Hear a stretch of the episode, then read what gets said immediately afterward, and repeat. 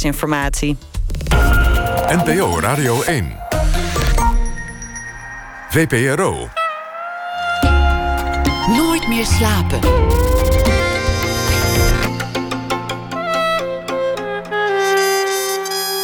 Met Pieter van der Wielen. Goedenacht en welkom bij Nooit meer slapen. Na één uur gaan we het hebben over Astrid Lindgren, de bedenker van Pippi Langkous en de gebroeders Leeuwenhart. Er is een biografie over haar verschenen. Dirk-Jan Roeleven komt op bezoek, want hij mocht een tijd meelopen met Frans Timmermans. Hij mocht zo'n beetje overal bij zijn, filmde alles. Mr. Europa vond het allemaal best. Intussen, en dat hielp de film, diende de ene crisis na de ander zich aan. De brexit, de vluchtelingencrisis. En de vraag dringt zich bij het kijken van de film op heeft die Timmermans eigenlijk wel iets in te brokkelen, in te brengen? Heeft hij wel zoveel macht? We beginnen komend uur met uh, Johan Grimont-Pré, want een politicus net als een politicus. Of nee, wacht, nee, helemaal opnieuw beginnen. Ik ga je citaat vernachelen. Een politicus denkt net als een prostituee, maar hij is alleen iets duurder. Een citaat uit de film. Of een president heeft ongeveer evenveel te zeggen als een middelhoge functionaris van een wapenfabriek. Twee citaten uit de film Shadow World. Gebaseerd op een boek van Andrew Feinstein. De film is deze week in première gegaan in Amsterdam op het ITVA Documentaire Festival. Over hoe corruptie en geldzucht de schimmige handel in wapens helpen. Zozeer dat de democratie en de veiligheid erdoor ondermijnd worden. Johan Grimont is kunstenaar en filmmaker. Zijn film Dial History uit 1997 werd wereldberoemd. En door velen later aangezien als een profetische film. Want je zou er een aankondiging in kunnen zien van de gebeurtenissen van 11 september 2001. Crimon is geboren in 1962. Hij groeide, op in uh, Roeselare, studeerde in Gent. Hij vertelt verhalen met beeld in tentoonstellingen, videokunst en films. En zijn werk is wereldwijd bekroond en vertoond. Hartelijk welkom, Johan Grimont-Pré. Dankjewel voor al de bloemen. Ja, alle bloemen en, en, en, en de lof. Um, ben je iemand die in, in complotten gelooft? Ah, ik zou me aansluiten bij Gore Vidal, die zegt van ik ben geen complotdenker. Uh, uh, wacht, zo zeg ik nu? I'm not a conspiracy theorist, I'm a conspiracy analyst. Je, en, je, gelooft er niet in, je bedenkt ze niet, maar je analyseert ze. Ik denk dat het belangrijk is om dingen te, te, te gaan ontrafelen, te ontmaskeren. Want uh, heel vaak wordt complottheorie op tafel gelegd om eigenlijk te, een unspeakable truth, om een onvertelbare waarheid te kunnen, te kunnen onder het tapijt te schuiven. Ik moet niet zeggen dat er ook heel veel disinformation, eh, disinformatie in, in, in de media rondsluipt, uiteraard. Maar het is belangrijk om dingen te gaan analyseren, ja, om dingen te ontmaskeren. Mij is verteld dat je bezig was met, met een, een project in, in een beginfase dat iets poëtisch moest worden, iets zachtaardigs, iets over de liefde en iets dat wat meer over het persoonlijke ging dan, dan over de, de grote wereldproblemen. En dat toen dit ineens als het ware in je gezicht ontplofte en, en je, je deze film moest maken.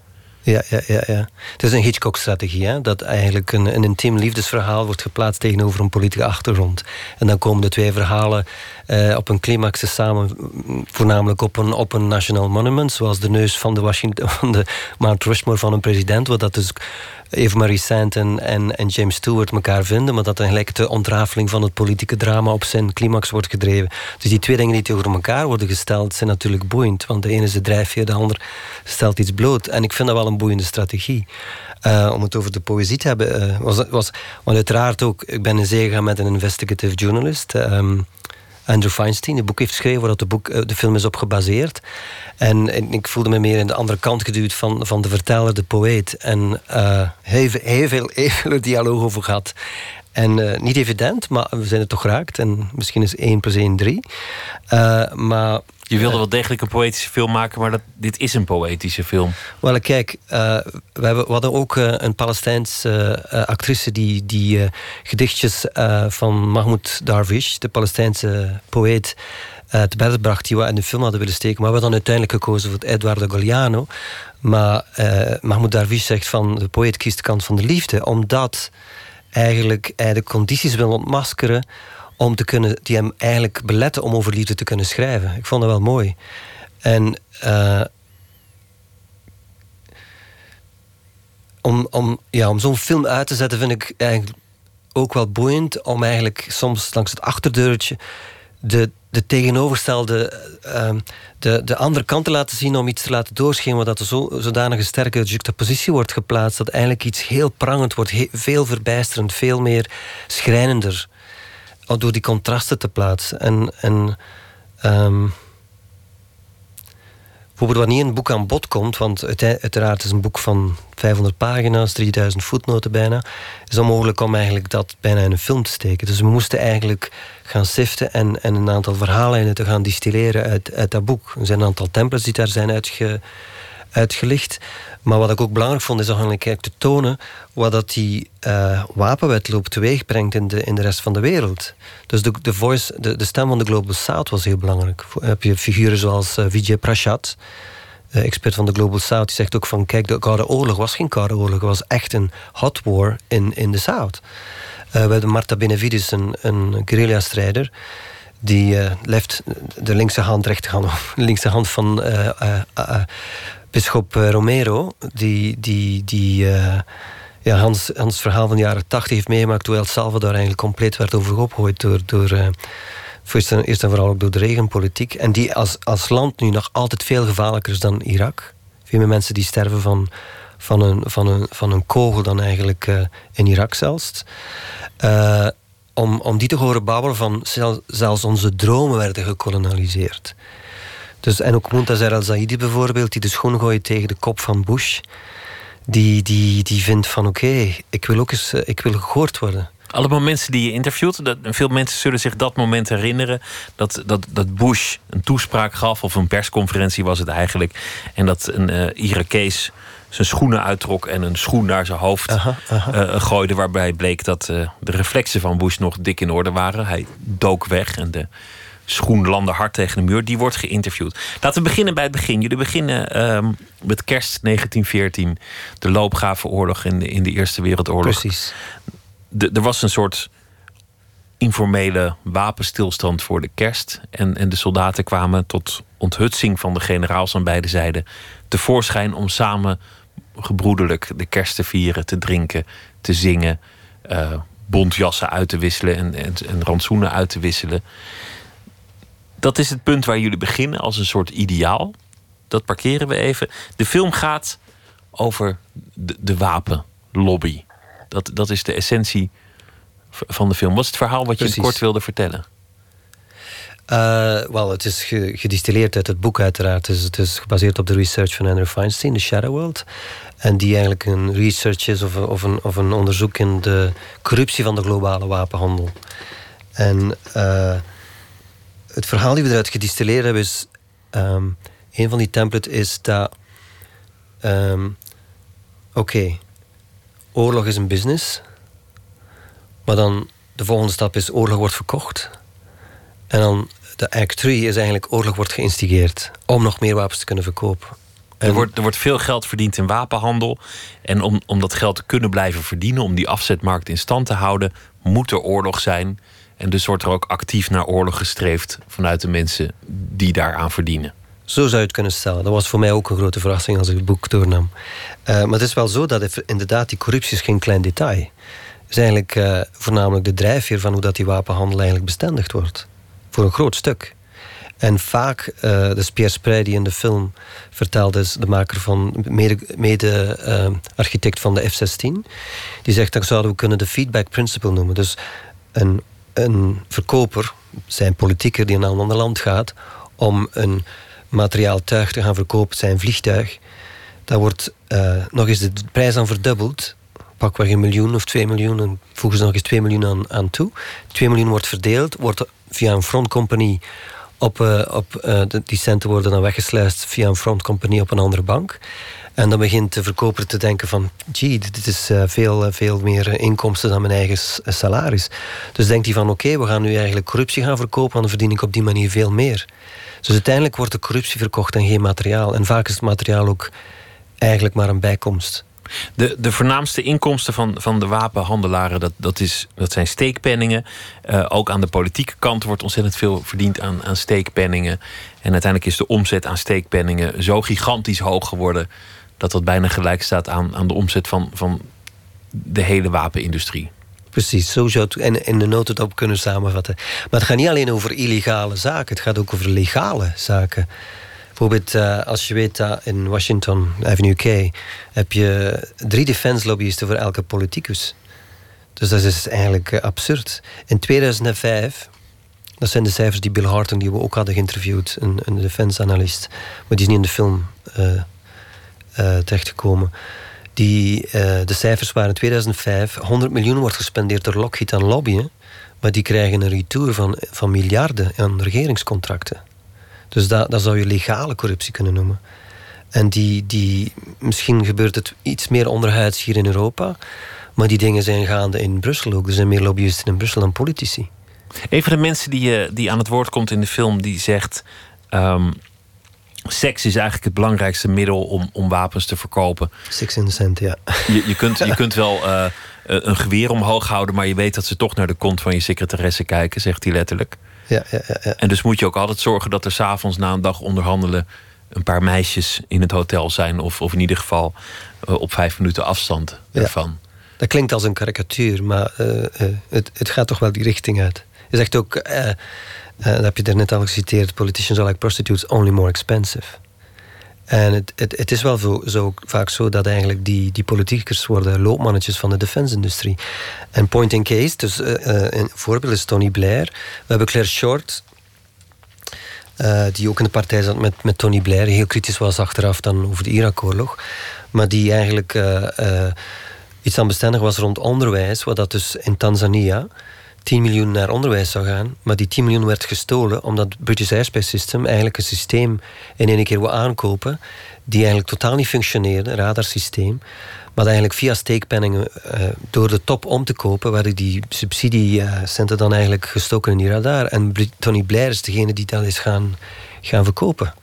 Hetzelfde in Zuid-Afrika. Het, net hetzelfde in Zuid-Afrika. Dat is dan het verhaal de Andrew Feinstein. Uh, waar het eigenlijk ooit, oorspronkelijk ooit is begonnen. Want uh, Andrew Feinstein was uh, member of parliament onder, onder Mandela. lid van het ANC, African National Council, Mandela's partij. En die ziet dat bij de overgang naar Thabo Mbeki en Jacob Zuma... dat er eigenlijk een enorme corrupte deal werd opgezet... waar dat British Airspace System vliegtuigen wou verkopen. Maar ze hadden verschillende opties, goedkopere opties zelfs. En dat gaat niet alleen vaak over vliegtuigen, het gaat ook over de munitie. Want als je een vliegtuig koopt, moet je ook zo nog kunnen... moet je eigenlijk leren dat, dat piloten opgeleid worden... moet je ook eigenlijk de munitie kopen. Dus als Nederland nu die F-35 aankoopt... Koopt, dan, dan koop je eigenlijk in op een handsysteem die jaren, jaren, jaren nog eigenlijk allemaal centen moet op, tafel gelegd worden om de munitie te kopen, om opleiding van de piloten, noem maar op, om, om het apparatuur uh, in stand te houden. Tien van die vliegtuigen die aan Zuid-Afrika zijn verkocht, hebben nooit gevlogen. Nou is het niet een heel nieuw verhaal dat er, dat er corruptie komt kijken bij wapenhandel. Dat, dat, dat is vaker onderstreept. Ook, ook toen de, de JSF in Nederland werd gekocht, uh -huh, hebben die artikelen uh -huh. gewoon in de krant gestaan. Het is ook geen, geen geheim dat er heel veel geld in wapens wordt verdiend. Wat eigenlijk in de film opvalt, is, is dat het één grote agenda is. Om, om nieuwe conflicten op de agenda te krijgen, om te lobbyen voor oorlog, om meer wapens te verkopen. Eigenlijk wordt alles neergezet alsof het allemaal één richting heeft door, door een klein groepje genieën is bedacht en dat het allemaal moedwillig gebeurt. Is dat zo? Of is het gewoon de uitkomst van allerlei hebzuchtige toevalligheden? Het klinkt pervers, maar laat me een paar voorbeelden geven. Bruce Jackson, uh, die op de board of directors zat van Lockheed, die uh, werd lid van de think tank voor de invasion of Irak. En dan zie je de vervlochting, dat noemen ze de revolving door, de vervlochting tussen wat dat de industrie is en de politiek. En dat is dan maar één voorbeeld, maar die heeft dan ook wel bestendig dat, uh, dat dus Irak werd binnengevallen. Wat dat een, een. Spreken we bijvoorbeeld nu over Syrië. Eén tomahawk is 500.000, is een half miljoen dollar. Maar de eerste dag in 2014, als Obama zei van kijk, we gaan Syrië uh, binnenvallen. Dat zijn 20, 30 tomahawks. Dus, het is al direct 10, 15 miljoen.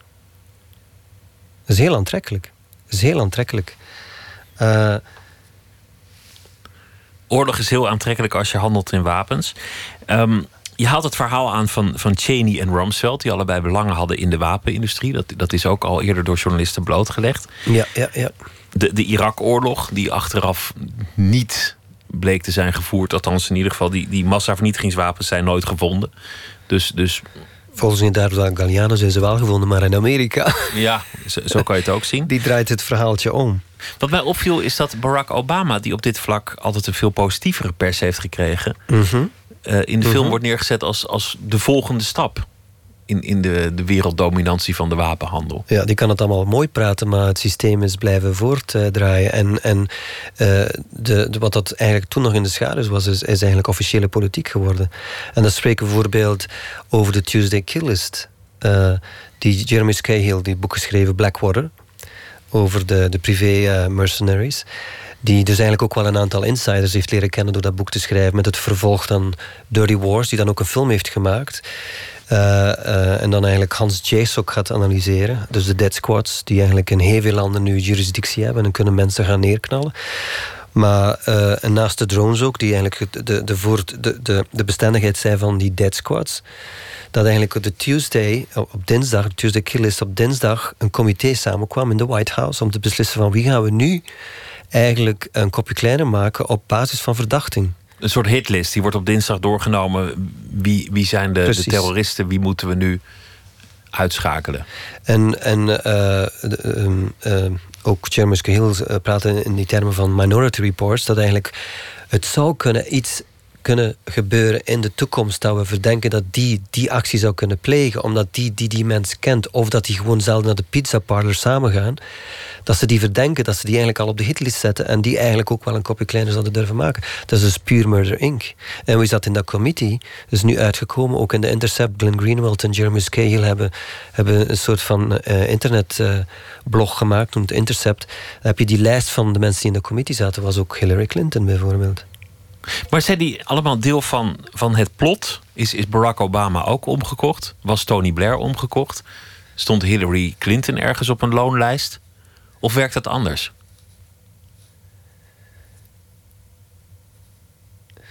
Ja, ik, ik kan u niet eh, letterlijk hier op tafel leggen van uh, X en X werd zoveel betaald en zo. Maar, uh, dus, dat is nooit boven water gekomen. Jawel, nee, maar ik, laten we over, over de, de feiten spreken die in de film aan bod komen.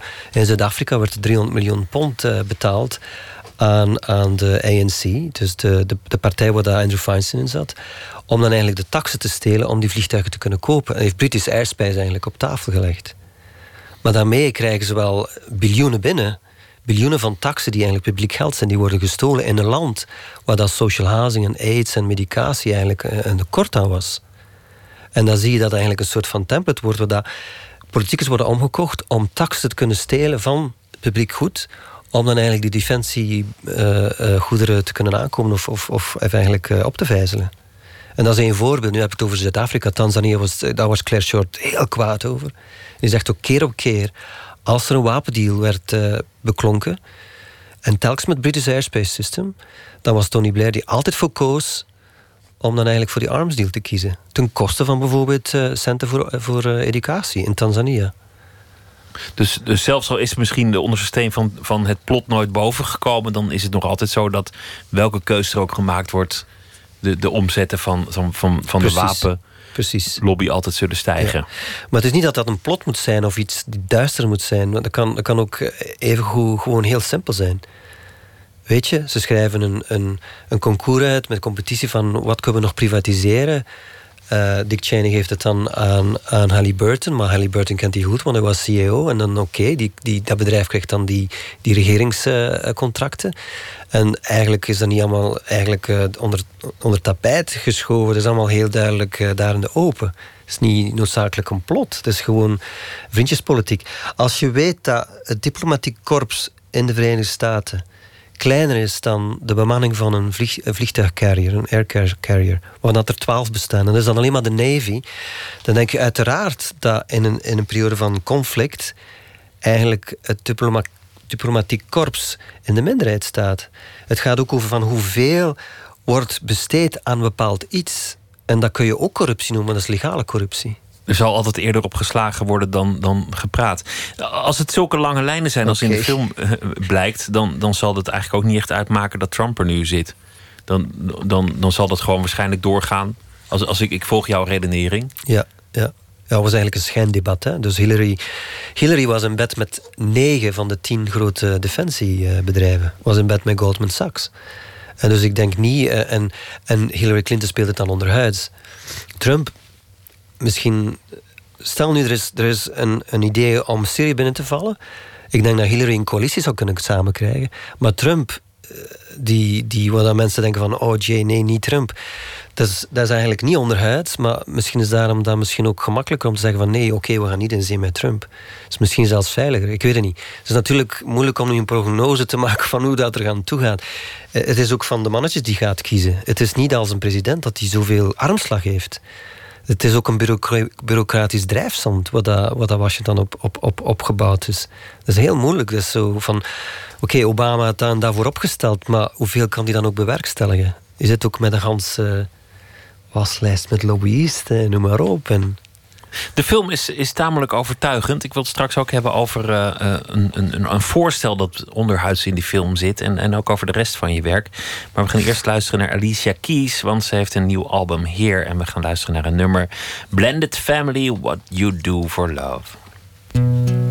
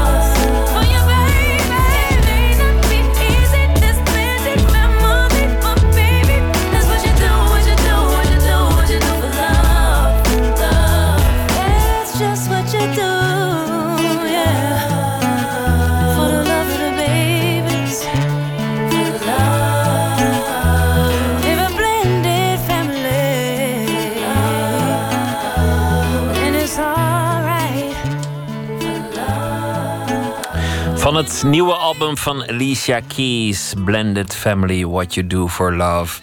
Nooit meer slapen in gesprek met Johan Grimonpré naar aanleiding van de film Shadow World.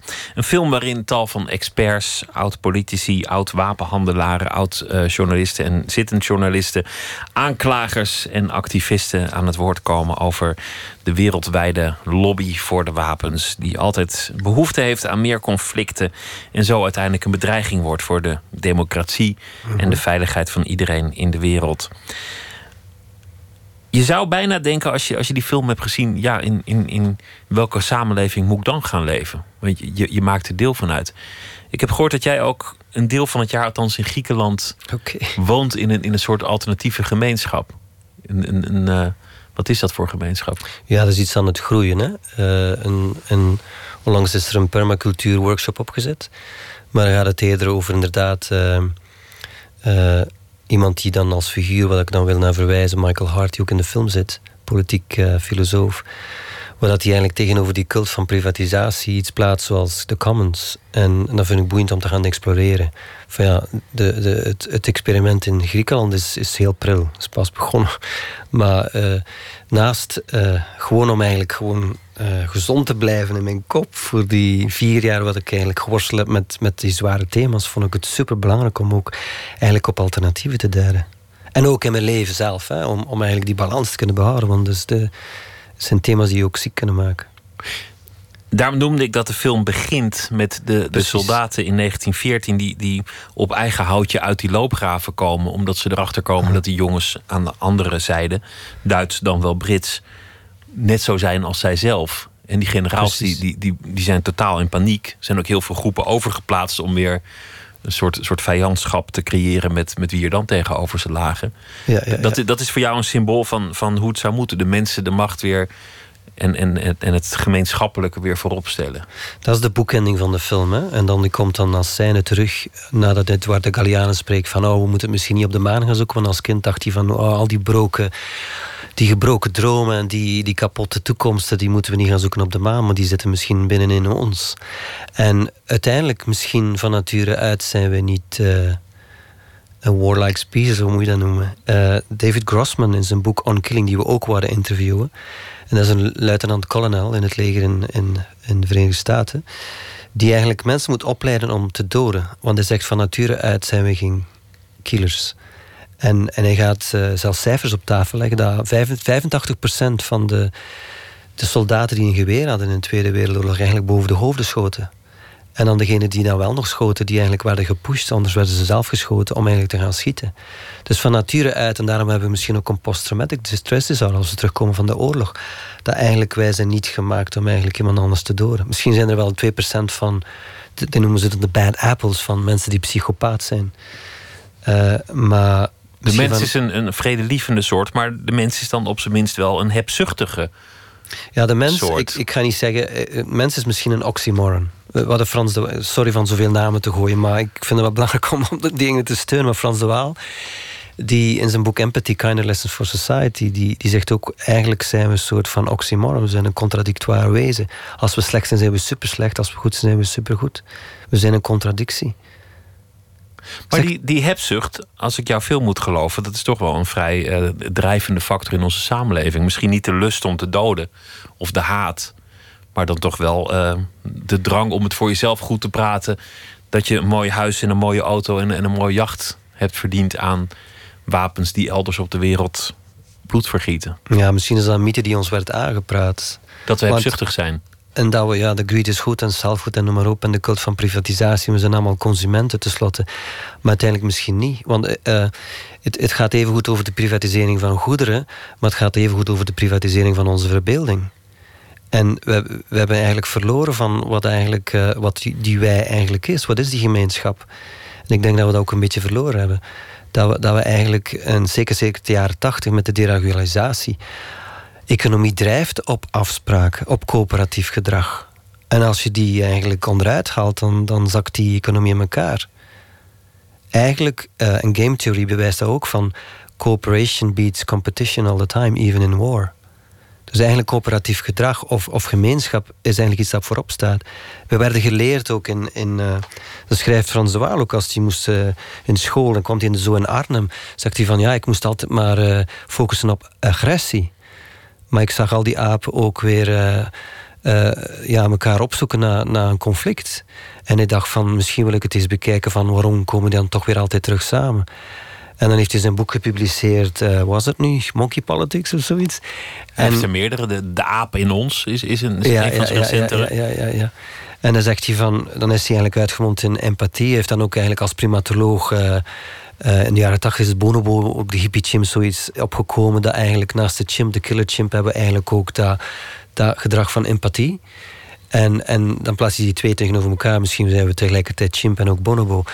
Maar ik vind dat die empathie ook wel op, op, op in kaart moet gebracht worden. En tenslotte, uh, als iemand opgroeit, en dat is nu ook in de kinderpsychologie gebleken, dat empathie, de band, de band met de moeder, hoe sterker dat die empathie is, hoe sterker een individu wordt. En niet omgekeerd. Van laat hij maar wenen, laat hij maar liggen. En een conflict eigenlijk maakt dat, eh, dat eigenlijk een sterke ik wordt gebouwd. Nee, die, dat, dat ik wordt onzekerder. Maar dus- hoe doen jullie dat in praktijk? Want, want het is duidelijk wat, je, wat je ideaal is. Het is ook duidelijk dat je dacht van nou, als ik, als ik bezig ben met een film over, over oorlog en wapens en, en, en hebzucht en dood. Dan, dan wil ik in mijn eigen leven daar wat positiefs tegenover stellen. Dus, dus je, je, je leeft voor zover mogelijk daar in Griekenland. Wat, wat, doen jullie? Koken jullie voor elkaar? Of hebben jullie een grote huishoudpot? Of, of kweken jullie Het gaat niet alleen, over, ja, niet alleen over mijn persoonlijk leven. Hè. Ik heb ook gepoogd in de film eigenlijk dat paradigma te keren. En eigenlijk dat ook een beetje op tafel te leggen. Maar ik, ik ben benieuwd naar hoe jullie dat... Ik ben benieuwd naar mijn persoonlijk leven. Nee, nee, ik ben benieuwd naar, naar hoe jullie dat dan in praktijk brengen. Een alternatieve samenleving beginnen midden in, in de westerse samenleving. Hoe gaat dat? Hoe ziet dat eruit? Kijk, ik, ik, ik denk uh, dat er zo nood is om iets te stellen tegenover de de, de privatisering. Uh, zoals bijvoorbeeld van Monsanto, die nu een merger aangaat met Bayer. En die samen met drie andere conglomerates, uh, China en Syngenta bijvoorbeeld, drie conglomerates gaan 70% uh, eigendom hebben over al de zaden van de wereld. Denk ik zo belangrijk als een project van Vandana Shiva, die zegt van kijk, hier zijn nu al 180.000 boeren die, die zelfmoord hebben gepleegd omdat ze een hun lonen niet kunnen betalen of niet meer die, die glyphosate kunnen kopen en eigenlijk rechtstreeks door Monsanto, dat al die eigenlijk boeren niet kunnen overleven, dat ze zeggen van kijk, ik richt die zaadbanken op en dat wordt een common en dan gaan we samen eigenlijk uh, uh, daarom geven. Een echte, een echte commune is het? Dus niet echt een commune. Ik denk bijvoorbeeld als uh, Bechtel het water wil privatiseren in, in Bolivie en al de mensen opkomen en zeggen van wij willen water als een gemeen goed, dan gaat het over een commons, dan gaat het inderdaad over gemeenschap. Maar gaat het ook over een recht die, die fundamenteel is. Die fundamenteel is. En dat heeft niets te maken met community of, of wel, ik bedoel, uh, communeleven of zo. Nee, het gaat over eh, fundamentele rechten. Waarom zou eigenlijk de building blocks, de DNA, moeten eigenlijk geprivatiseerd worden? Door, door, door eigenlijk daar een kleine verandering in te brengen en dan dat eigenlijk een, een, een, patent op te nemen. Maar dat betoog is mij duidelijk. Het, het collectieve moet het winnen van het, van, het, van het private. Nee, er moet een wisselwerking zijn. Maar, ik, zeg niet, ik ga er niet een uiterste stellen. Ik stel hoe onttrek je je aan de samenleving? Hoe onttrek je je aan, aan het grote geheel? Hoe verander je dat? Verander je dat door, door, door zelf in een eigen gemeenschap te gaan wonen? Of, of zijn er andere wegen? En gaat je werk daar ook over? Over dat veranderen?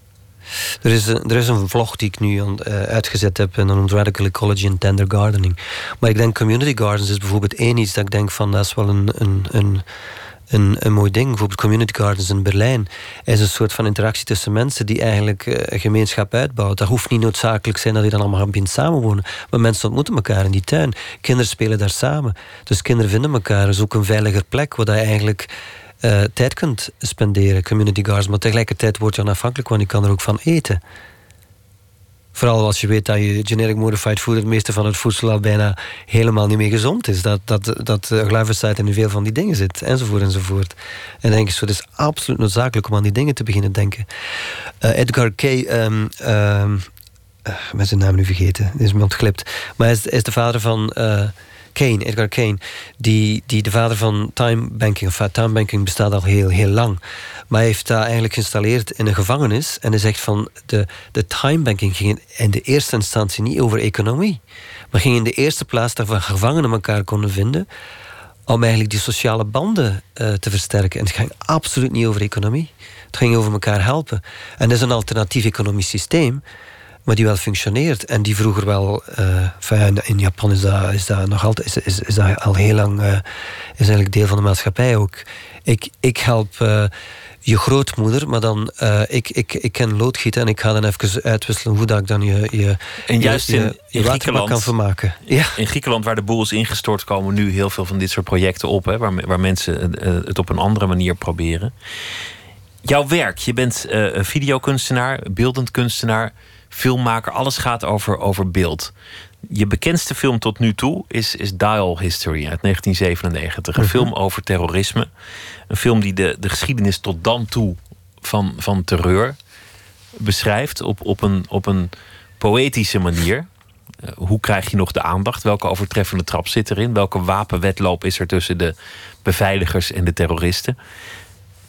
Er zit al een soort vooruitblik op 9-11 in die film. Heel duidelijk. Als je, als je hem terugkijkt aan het eind, dan zie je eigenlijk dat, dat bijna die aanslagen van 11 september 2001 worden aangekondigd. Niet letterlijk waar en niet door wie, maar Osama Bin Laden komt erin voor, een vliegtuig komt erin voor, de, uh, het ergens op invliegen komt er al in voor. De manier waarop je het gemaakt hebt, dat was wat, wat in der tijd heel erg de aandacht trok. Heel veel beelden uit heel veel bronnen, mm -hmm. onvoorstelbaar veel visuele archieven, razendsnel door elkaar monteren en soms ook dingen erbij halen die er schijnbaar niks mee te maken hebben. Hoe, hoe ga je te werk? Hoe doe je dat? Goh, ja, lang verhaal, want die film is ook al nu weer 19 jaar oud. Maar je hebt, het, je hebt uh, min of meer.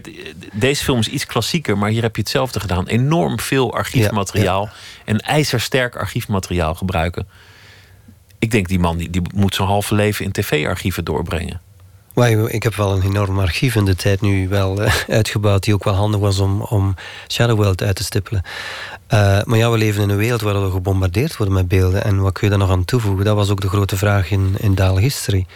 En het, het is een verhaal waar een... Uh, want er is ook een narratief verhaal die, die je mee op sleeptouw neemt. Dat is de dialoog tussen de schrijver en de, de, de terrorist, de, de kaper. En de, het is eigenlijk een, een verhaal genomen van het boek Mao 2 van Don DeLillo. Het, het, het, gaat over het woord versus de daad. Ja, en ook over de schrijver die zegt van kijk, uh, uh, jij als terrorist hebt heel veel meer impact in de media. En ik als schrijver ben eigenlijk tot, uh, tot de margins verwezen. Mijn impact als, als mijn politieke impact ook in de maatschappij is, is, is bijna tot niets geweest. Is beter van eigenlijk als terrorist eigenlijk een aanslag te plegen en dan word je gehoord. Or kill yourself and then somebody will listen to you. Maar het, het verhaal in de film zelf in, in, in Daal History is, gaat nog een stapje verder. Wat eigenlijk ook de, het gaat over kapers, vliegtuigkapers. Waar de kapers ook worden gekaapt door de media. En gaat nog een stapje verder. En op, op den duur zie je dat die kaper verdwijnt... en dat het die vervangen wordt door een anonieme suitcasebom. En dan zie je dat staatsterreur eigenlijk uh, ook van langzaam meer eigenlijk voorop gaat treden. En dat eigenlijk het terroristisch spektakel gewoon wordt gebruikt... om eigenlijk het grote politiek uh, spektakel... of de vuile was van het grote politieke spektakel onder tapijt te vegen. En dan jouw persoonlijke vraag. Wat, wat kan ik nog tegenover dat bombardement aan spectaculaire, dramatische beelden nog stellen? Toevoegen. Welk ja. beeld kan ik hier nou bedenken dat dat dat overtreft. Hoe krijg je nog aandacht op een netvlies dat zo is platgeslagen door gruwelijkheden? Wel, ik, kijk, in de kon ik me identificeren met de kaper. Detournement, de, degene die zoals het situa situationisten eigenlijk het verhaal of de beelden kan omkeren. Maar ook met de schrijver die zegt van ja oké, waar is mijn rol als kunstenaar in het politiek debat bijvoorbeeld? En ik vond dat een heel belangrijke vraag. Ik was aan het studeren in New York en de, de eerste golfoorlog breekt los. Dan zie je uh, uh, aardbei-advertenties naast wat beelden van de golfoorlog. En dan denk je van, wat is dat voor een surreëel spektakel? En dat is een absurde, het sappen zelf is een absurde soort van poëzie. En, en beetje bij beetje is dat ook ingeslopen de manier van hoe dat ik films in elkaar stak. Want de, het channel surfen... Al heel lang wil ik een film maken over de geschiedenis van, van de afstandsbediening... en, en de reclame, en de reclameonderbreking ben ik nog niet in geslaagd, maar dat is wel een vlog geworden. En, en uh, ja, mensen beginnen te, te surfen, channel surfen als de commercial break aankomt. Maar dan eigenlijk is dat soort van eigenlijk terug het beeld toe-eigenen. Maar dan die advertising industrie zegt van hey, hey, hey, oh, oh, oh, die, die zappen hier weg. En in midden jaren tachtig waren de advertising industries in paniek. Want uh, dan riepen ze, riepen ze voor zap-proof commercials. Maar zie ook dat eigenlijk in de jaren tachtig alles begint zich een beetje te wijzigen. Je krijgt zap-proof news, like CNN 20, 24 uur. En als je wegstapt, heb je niets verloren. Want ze noemen dat de drop-in style. Dan kom je terug en heb je niets gemist. Maar het nieuws is wel 24 uur, maar wordt heel veel korter en wordt obsessief. Weapons of mass destruction, weapons of mass destruction, weapons of mass destruction. Wat je bij, bijna een neurose. Wat je bij de reclame zag, is dat ze gingen lenen uit andere genres om, om de mensen als het ware te, te foppen dat het niet een reclame was. Dus een, reclame werd gemaakt als een speelfilm, als een, als een romantische komedie, als een soapserie, als een, als een talkshow, noem maar op, met, met een beroemdheid. Precies. Het moest over iets anders gaan dan strikt een reclame, want dan zeppen mensen weg. Verhul dat het reclame is. Maar omgekeerd ook, het nieuwsformat gaat, gaat eh, de reclameblipjes gaan naapen. Of MTV die negen, negen maanden later dan CNN uh, start, die eigenlijk uh, esthetische codes gaan, gaan uitwisselen. En dan zie je dat de nieuws met die newsbeats begint, ook de golfvoer. Ik vond dat absurd. Heb je al die newsbeats en die spinning logos en noem maar op, en het wordt een, een, een, een bijna een MTV-clip. Alle genres lopen door elkaar. Hoe is dat nu? Want, want tv maakt toch een beetje water. Er is toch een beetje paniek in, in, in de, in de tv-wereld. Omdat het, ja, omdat het internet nu, nu ook weer een, slok van de markt neemt. Ja, ik denk ook dat Monsanto in paniek zit en daarom een merger aan gaat. Want dat is niet sustainable. Dat is niet sustainable. Die glyphosate is niet sustainable. En, en, en ja, misschien ook in de media. Uh, als die allemaal eigenlijk dat verhaal willen verkopen van Hillary Clinton, dan. dan en dan, dan mensen geloven het niet meer. En dan, dan, dan denk je van oké, dat is, die, die, die zappen weg. En ook mijn, mijn bronnen zelf zijn eigenlijk Democracy Now! Of, of ik, ik, ik ga andere dingen gaan opzoeken die, die ik weet van dat zijn bronnen die ik kan vertrouwen.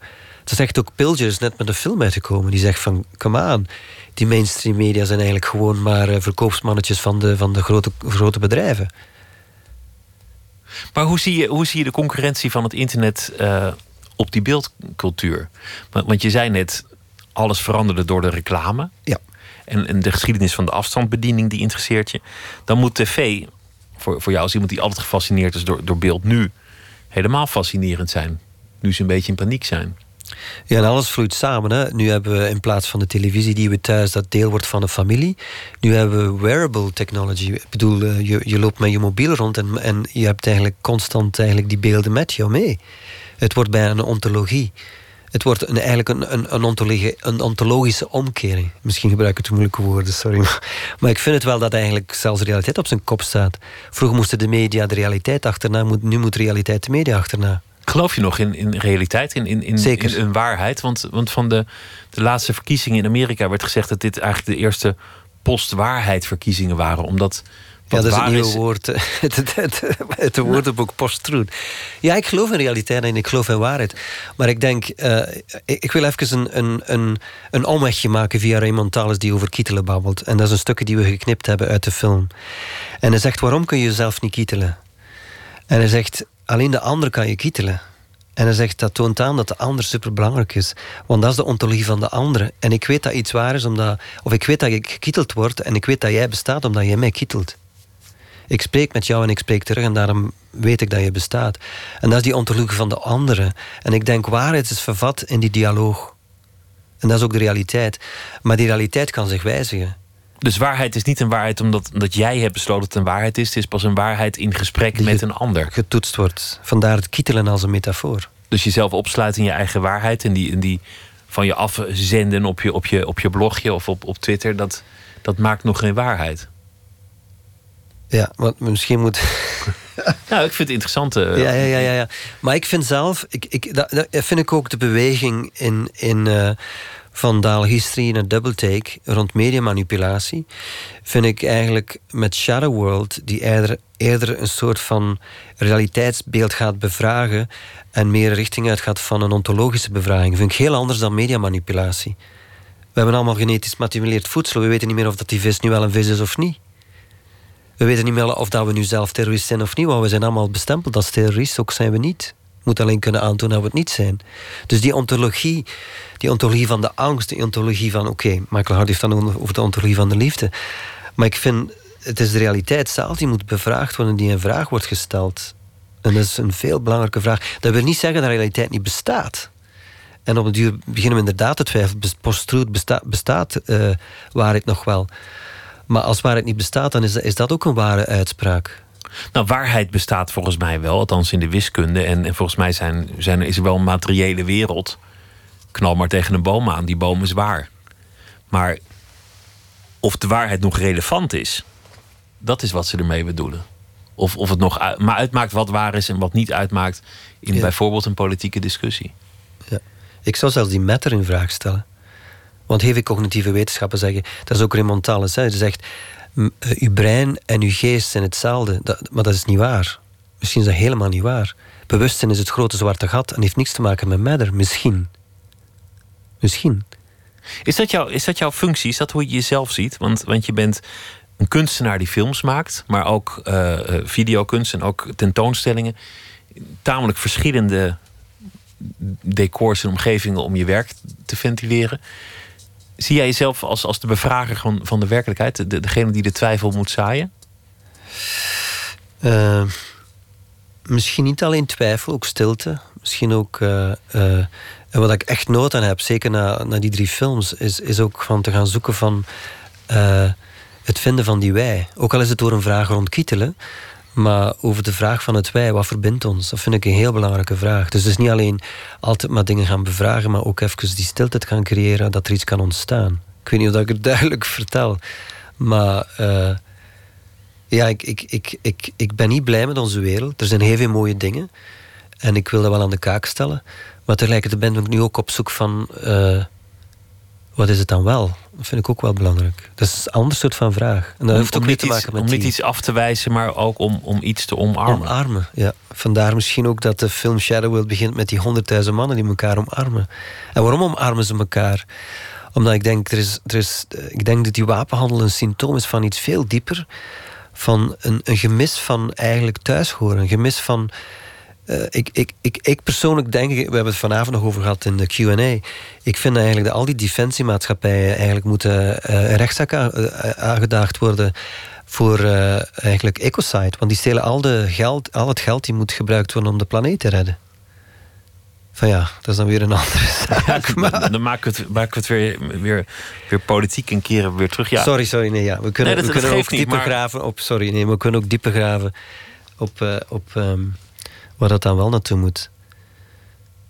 Ik ben benieuwd hoe, hoe jouw eigen werk is gegaan. Je noemde aan het begin Hitchcock.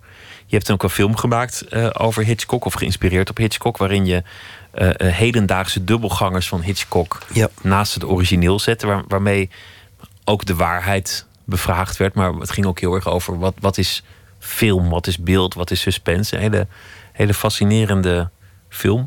Hoe, hoe ben je eigenlijk zelf daarin terechtgekomen? Wat waren de, de inspiraties voor jou om juist via beeld je idealen en je wereldbeeld uit te gaan dragen? Over precies over double take of over die dubbelgangers of over. Nou, gewoon jouw bestaan. Hoe ben je eigenlijk uh, kunstenaar geworden? Oeh, um, ik had altijd die nood om verhalen te vertellen, om, om dingen te bevragen en dieper te gaan graven. Dus iets dat altijd uh, bij mij al aanwezig was. Ja. Als kind al, als, als, als manneke? Als manneke, ja. Ja, zeker. Ja. Eh, eigenlijk van uh, hier in de wereld gegooid te zijn en denken van... Zie, ik hoor hier precies niet thuis en wat is dit hier? En gaan onderzoeken en van... Ik voel, voel, vind de plaats niet in de wereld, vind de plaats niet in waar ik thuis hoor. En dan altijd maar op zoek gaan en verder zoeken en verder zoeken, verder graven. En, en... Een soort ontevredenheid? Ja, zo zou je het kunnen noemen. Ja. En hoe werd dan juist beeld jouw medium? Want je had ook kunnen schrijven. Je had ook uh, andere dingen kunnen doen. waarom is het beeld geworden? het is ook beeld, maar schrijven is er ook deel van. Ook lesgeven. Ik vind alles is deel van die praktijk. Waar dat eigenlijk een soort dialoog wordt aangegaan. Dialoog met het beeld, maar ook al de films hebben ook een, een narratieve lijn die, die heel vaak wordt eigenlijk uh, berust op, op, op, een, op een roman of een schrijver of, of iemand waar ik mee samenwerk, waar ik dan een dialoog kan mee aangaan. Dus niet alleen het beeld, maar. Uh, Beeld is volgens mij vaak sterker dan het woord. Een beeld doet meer dan, dan, een, dan, dan duizend woorden. In, in, in, uh, nou ja, in, in, politiek is het volgens mij het duidelijkst. Je, je kunt gewoon zien wie de winnaar is en wie het niet is. En volgens mij beslist het brein al lang. Ja, nee, de beelden kunnen ook zo gemanipuleerd worden dat het tegenovergestelde kan beweerd worden van die beelden. Dus ik denk dat de context van die beelden juist wel heel belangrijk is. Dus als een beeld naar een ander beeld wordt geplaatst in een tijdslijn in een film, dan kan die iets provoceren die maakt dat het tegenovergestelde ook waar wordt. Of als je daar eigenlijk een soort van muziek of klank onder zet die dat tegenspreekt, dan is dat juist ook boeiend. Ik denk, ik denk het gaat niet over. Ja, ik, eigenlijk geloof ik in, in, in, uh, in die contradicties. Over contradicties die maken dat er iets, iets, iets blijft doorzinderen, die maakt dat je niet goed weet waar je bent. En dat eigenlijk in die contradictie iets duidelijk wordt. Ik weet niet, James, ik had onlangs een quote gelezen van James Baldwin en hij zegt: We moeten eigenlijk de human riddle uh, verdedigen. Vond ik wel heel mooi. De wat verdedigen? De human riddle, het, het, het, het menselijk raadsel. Ik vond dat wel heel mooi. Dat, dat eigenlijk, uh, om die ambiguïteit te verdedigen, maar ook die, dat, dat iets in een contradictie juist ook heel mooi is. Dat als een film eindigt in, in een niet opgelost verhaal, wat dat beide mogelijkheden waar kunnen zijn, dus, dus eigenlijk is dat wel mooi. Manipuleer jezelf ook als, als je zo goed begrijpt hoe het moet. Want je, je hebt een, een verhaal dat je wil vertellen. Maak je dan ook gebruik van die, van die technieken die je begrijpt in je eigen films? Uiteraard, taalhistorie was compleet van eigenlijk uh, spiegel voor te houden. Uh, wat dat de media eigenlijk ook uh, ons eigenlijk voorspiegelen. Ik vond dat wel boeiend, maar het gaat eigenlijk ook over verleiding. Het is niet alleen manipulatie. Heiner Muller zei ooit van de, de, de meest politieke boodschap die van het Westen kwam, was de commercial, was de verleiding. En ik vond dat wel mooi. Het gaat niet over, over die politieke boodschappen, maar eigenlijk over de verleiding. En om daarmee te kunnen spelen, dat, dat, dat is fantastisch. En, en uh, iedereen is ermee bezig. Ik zie bijvoorbeeld in de film dat, dat Ronald Reagan uh, stevast wordt, in, in beeld wordt gebracht als hij als net een beetje staat te lummelen met een, met een golfstok en, en, en, een balletje. Of dat hij grapjes aan het maken is. Waarmee je toch ook het beeld krijgt van, van, van die man had, had geen idee waar hij mee bezig was. Ik heb ooit gelezen uh, in, I think, Arsenals of Folly. Wat dus uh, Reagan en Gorbachev een ontmoeting hadden. En Gorbachev was maar aan het uitleggen van we moeten van al die, van die nucleaire arsenaal af. En Reagan had alleen maar uh, witte kaartjes dat hij voorlas en week niet af van die, van die fichekaarten. Is zo absurd. Dan dacht ik zo van, hé, dat is toch heel bizar. Dat Hanse script is voorgekoud wat dat Reagan eigenlijk moet op tafel leggen. En Gorbachev op een heel vrije manier van, kijk... En had ook die dialoog geïnitieerd. Hij had een brief geschreven naar de Witte Huisdag van... kijk, we moeten van alle nucleaire arsenaal af. Maar Reagan zat in zijn hoofd met Star Wars. En ja... Ja... Ik, ik vind het ook zo'n beetje Reagan of George Bush, W. Bush. Is, is, is, soms denk je, die zijn gewoon marionetten.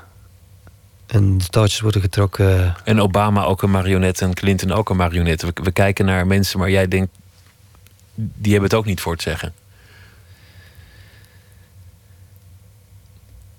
Stel ik nu een karikatuur of zo? Of, uh... Nou, weet ik eigenlijk niet. Het, het, uh... het zou best zo kunnen zijn. Ja.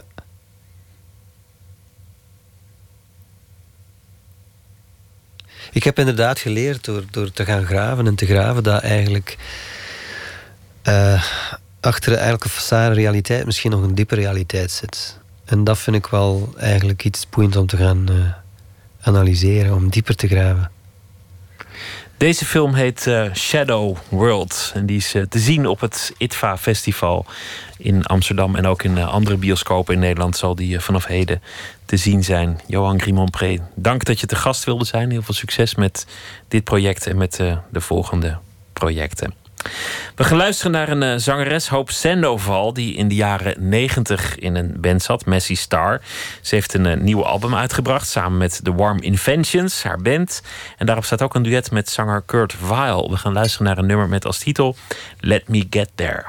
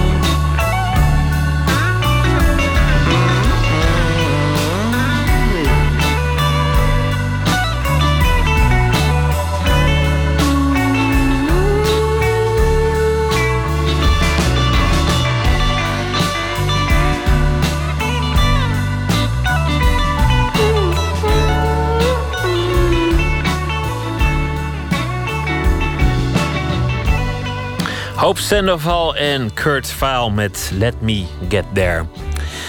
Zometeen gaan we verder met Nooit meer slapen. We zitten op Twitter, het VPRO NMS en op Facebook. En u kunt zich abonneren op de podcast via iTunes of de website van de VPRO. vpro.nl slash Nooit meer slapen.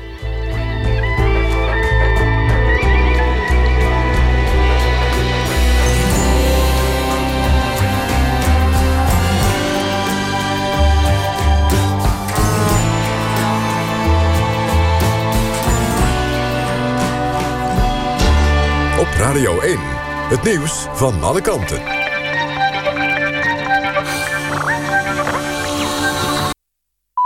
1 uur, Lot Lewin met het NOS-journaal. De politie heeft een verwarde man van 45 aangehouden... in verband met de terreurdreiging op het vliegveld in Rotterdam vandaag. De politie denkt dat hij verantwoordelijk is voor de anonieme tip... waarna de luchthaven vandaag extra werd beveiligd. De man is volgens de marechaussee een ongewenste vreemdeling... met een openstaande straf. Hij heeft geen vaste woon- of verblijfplaats... en hij deed al eerder valse meldingen. In Mozambique zijn zeker 73 mensen omgekomen doordat een tankwagen ontplofte. Meer dan 100 mensen liepen brandwonden op. Hoe het ongeluk heeft kunnen gebeuren is nog niet duidelijk. De vrachtwagen zou zijn verongelukt en toen mensen brandstof uit de geka- gekantelde wagen wilden halen, ontplofte deze. Ook kan het zijn dat de tankwagen is overvallen door de dorpelingen. Andere media schrijven dat de chauffeur zelf was gestopt om brandstof te verkopen. Een man die ervan wordt verdacht dat hij in september twee bommen in New York en een bom in New Jersey heeft gelegd, ontkent dat hij het heeft gedaan. Een van de bommen in New York ontplofte toen er veel uitgaanspubliek op straat was. 30 mensen raakten gewond. De andere bommen richtten geen schade aan. De man van 28 werd een paar dagen later opgepakt. Hij staat nu voor de rechter. Hij kan een levenslange gevangenisstraf krijgen. Volgend jaar moet het aantal melkkoeien fors naar beneden. Dat hebben de melkveehouders afgesproken met staatssecretaris Van Dam. Om hoeveel koeien het gaat is nog onduidelijk. Eerder sprak boerenorganisatie LTO over 175.000. De maatregel is nodig om te voorkomen dat de veestapel nog verder moet inkrimpen. Europa dreigt daarmee omdat Nederland veel meer mest produceert dan is toegestaan. En dan het weer. Flinke regenbuien trekken momenteel over het land, met name over het oosten. Later vannacht klaart het wat op. Overdag opnieuw veel regen, het wordt dan een graad of acht. Dit was het NOS Journaal. NPO Radio 1. VPRO. Nooit meer slapen.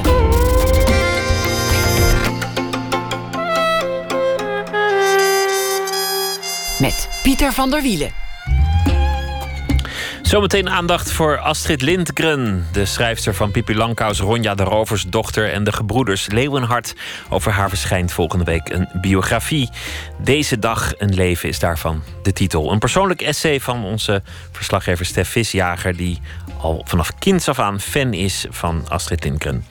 Dirk-Jan Roeleven komt op bezoek. Hij eh, liep een jaar lang mee met Frans Timmermans, Mr. Euro. In de documentaire De Europeaan portretteert hij de eurocommissaris in het hart van de macht. Terwijl dan allerlei problemen zich opstapelen, waaronder de vluchtelingencrisis. Te beginnen met Thomas Herma van Vos. Hij is schrijver en deze week zal hij elke nacht een verhaal maken bij de voorbije dag. Thomas, goeienacht. Goeienacht, Pieter.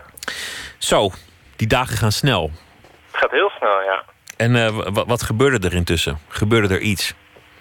Er gebeurde, ja, er gebeurde zeker wel iets. Ik had het gisteravond over Hillary Clinton kort. En die had zich een week niet vertoond. En vanochtend, wellicht eh, gaf ze nooit slaap het laatste zetje, was ze daar ineens weer. En ze zag eruit alsof ze een eh, week in ieder geval geen oog had dichtgedaan. En wat verslagen en, en natuurlijk ook beschaamd. En eigenlijk los van Hillary Clinton, eh, dat was de dag. Mijn column gaat ook over schaamte. En dan niet van Hillary Clinton, maar meer van mijzelf. De schaamte, ja. Ja, Hillary, schaamte. ja, ze zag er inderdaad uit alsof, eh, alsof lijn 5 er drie keer overheen was. eh. Ja, dat, dat zag er niet best uit. nee, is ook, is, is ook begrijpelijk, want het is natuurlijk een ontzettend zware campagne geweest. En dan is ineens die adrenaline op en dan, eh, dan gaat het anders. Maar jouw stuk gaat over schaamte. Ja. Steeds vaker doe ik dingen waarvan ik geen idee heb of ze eigenlijk iemand bereiken. Bij publieke voordrachten is het altijd nog maar de vraag of er mensen komen. En vervolgens of die daar toevallig zijn beland of werkelijk voor mij komen. Ik lees deze column s'nachts voor. Behalve mijn vader is er doorgaans niemand die reageert. Ik schrijf stukken voor bladen waarvan ik me regelmatig afvraag of überha- überhaupt iemand ze leest. Hoe daarmee om te gaan. Moet ik me er iets van aantrekken? Moet ik denken, ach, stilte, het hoort er af en toe bij? Of moet ik denken, nee, dat ligt aan mij. Ik ben verantwoordelijk wanneer er geen reacties komen. Het is een verkapt oordeel over wat ik doe. Afgelopen dinsdag bereikte deze vraag een hoogtepunt. En daarmee mijn loopbaan als artiest, om het zo maar even te noemen, een dieptepunt. Er was een avond georganiseerd in de Openbare Bibliotheek Amsterdam. Het draaide om de roman Het Gouden Ei en de verfilming, Spoorloos. Ik en een filmjournalist zouden de roman tegen de film afzetten. Theodor Holman zou het gesprek leiden. Daarna zou een screening van de film volgen. Een mooi programma, dachten we. De zaal was imposant groot. De deelnemers zaten keurig op tijd klaar. We namen ons gesprek alvast door. Niets aan de hand, kortom. Alleen de stoelen voor ons bleven leeg. Allemaal. Een van de organisatrices liep met steeds bezorgder gezicht door de enorme ruimte. De gang op, kijken of er nog iemand komt en weer terug. Nog een keer. Toen, een half uur na de oorspronkelijke aanvangstijd, trok ze met gepijnigd gezicht de conclusie... Jongens, dit is heel vreemd, dit heb ik nog nooit meegemaakt. Maar volgens mij is er gewoon helemaal niemand. Meteen werden er mogelijke verklaringen geopperd. Lag het aan het soort interview? Nee, nee, dit hadden ze vaker georganiseerd. Vorige edities waren prima bezocht. En, verzekerde die organi- organisatrice, we hebben heel veel PR gedaan. Lag het dan aan het weer misschien? Aan Tim Krabbe was zijn werk niet meer populair? Waren het veel andere evenementen deze avond? Er zijn schrijvers die in zulke gevallen boos zouden worden. Die woedend weg zouden benen, de organisatie allemaal verwijten zouden maken. Ik voelde vooral schaamte. En hoe meer verklaringen geopperd werden, hoe sterker dat gevoel werd. Ik dacht, sorry jongens, ik ben de schuldige. Ik had meer mensen moeten aantrekken. Ik zit hier op een podium waar niemand naar wil kijken. Uiteindelijk werden er die avond, dinsdag dus, een paar mensen uit de aangrenzende La Place gelokt. De rode lap waren niet wij, de sprekers. Het was de gratis filmvertoning. Ik keek mee. Ik werd betaald zonder dat ik iets hoefde te doen. Maar de schaamte, die is nog steeds niet helemaal verdwenen. Ja, dat is een uh, vervelend moment als er niemand komt opdagen. Of uh, zo'n zo'n beetje niemand. Dan kan je maar beter hebben dat er, dat er nul mensen komen. Want dan kan iedereen gewoon naar huis dan, dan, dan dat er vijf mensen zitten. En je dan, ja, dan... Dat, uh, dat realiseerden we ons ook toen die mensen dus nog gelokt waren. Van, even was er opluchting, hoera, er zijn toch nog een paar zielen. En toen kwam het besef, oh ja, dan moeten we dus nog wel dat, dat, dat programma dat we in elkaar hebben gedraaid... alsnog gaan afdraaien voor die, voor die zaal waarin 80 stoelen alsnog leeg bleven. Ik hoorde het verhaal van een bekende dichter die, uh, die ook voor een lege zaal stond onlangs, maar die, die gewoon dacht, nou, ik ben gekomen en ik zal het doen ook. En die heeft toen voor die lege zaal al zijn gedichten voor staan dragen. Totdat de organisatoren zeiden, ben je nou klaar, we willen wel een keer naar huis. voor een echt lege zaal, dus niet leeg als in vier mensen, maar leeg als in leeg de, Alleen de organisatie die zat op een horloge te kijken... En, en, een beetje te balen dat de man het zo serieus nam allemaal. Nou, dat vind ik wel een mooi verhaal. Daar wil ik beelden van zien. Ja, ik zal, ik zal erom vragen. Ik weet niet of ze er zijn, want wie had ze moeten filmen, hè? Ja. Thomas, dankjewel. En een hele goede nacht. En graag morgen weer een mooi verhaal. Ja, goede nacht. Dankjewel. Dag. De muziek van eh, de Franse zanger Ben L'Oncle Soul is doordrenkt met ouderwetse Amerikaanse soulmuziek, maar toch is het van nu. En we gaan luisteren naar uh, een van zijn stukken, All the Way.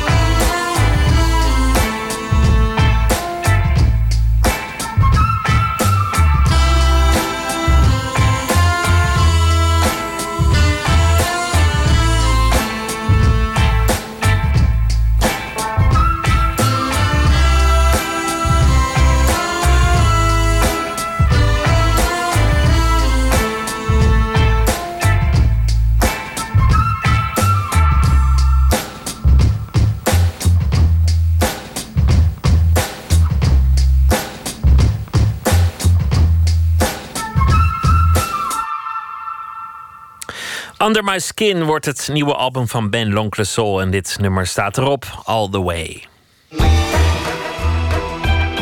Nooit meer slapen. Volgende week verschijnt een nieuwe biografie van Astrid Lindgren, de Zweedse kinderboekenschrijfster. Deze dag een leven.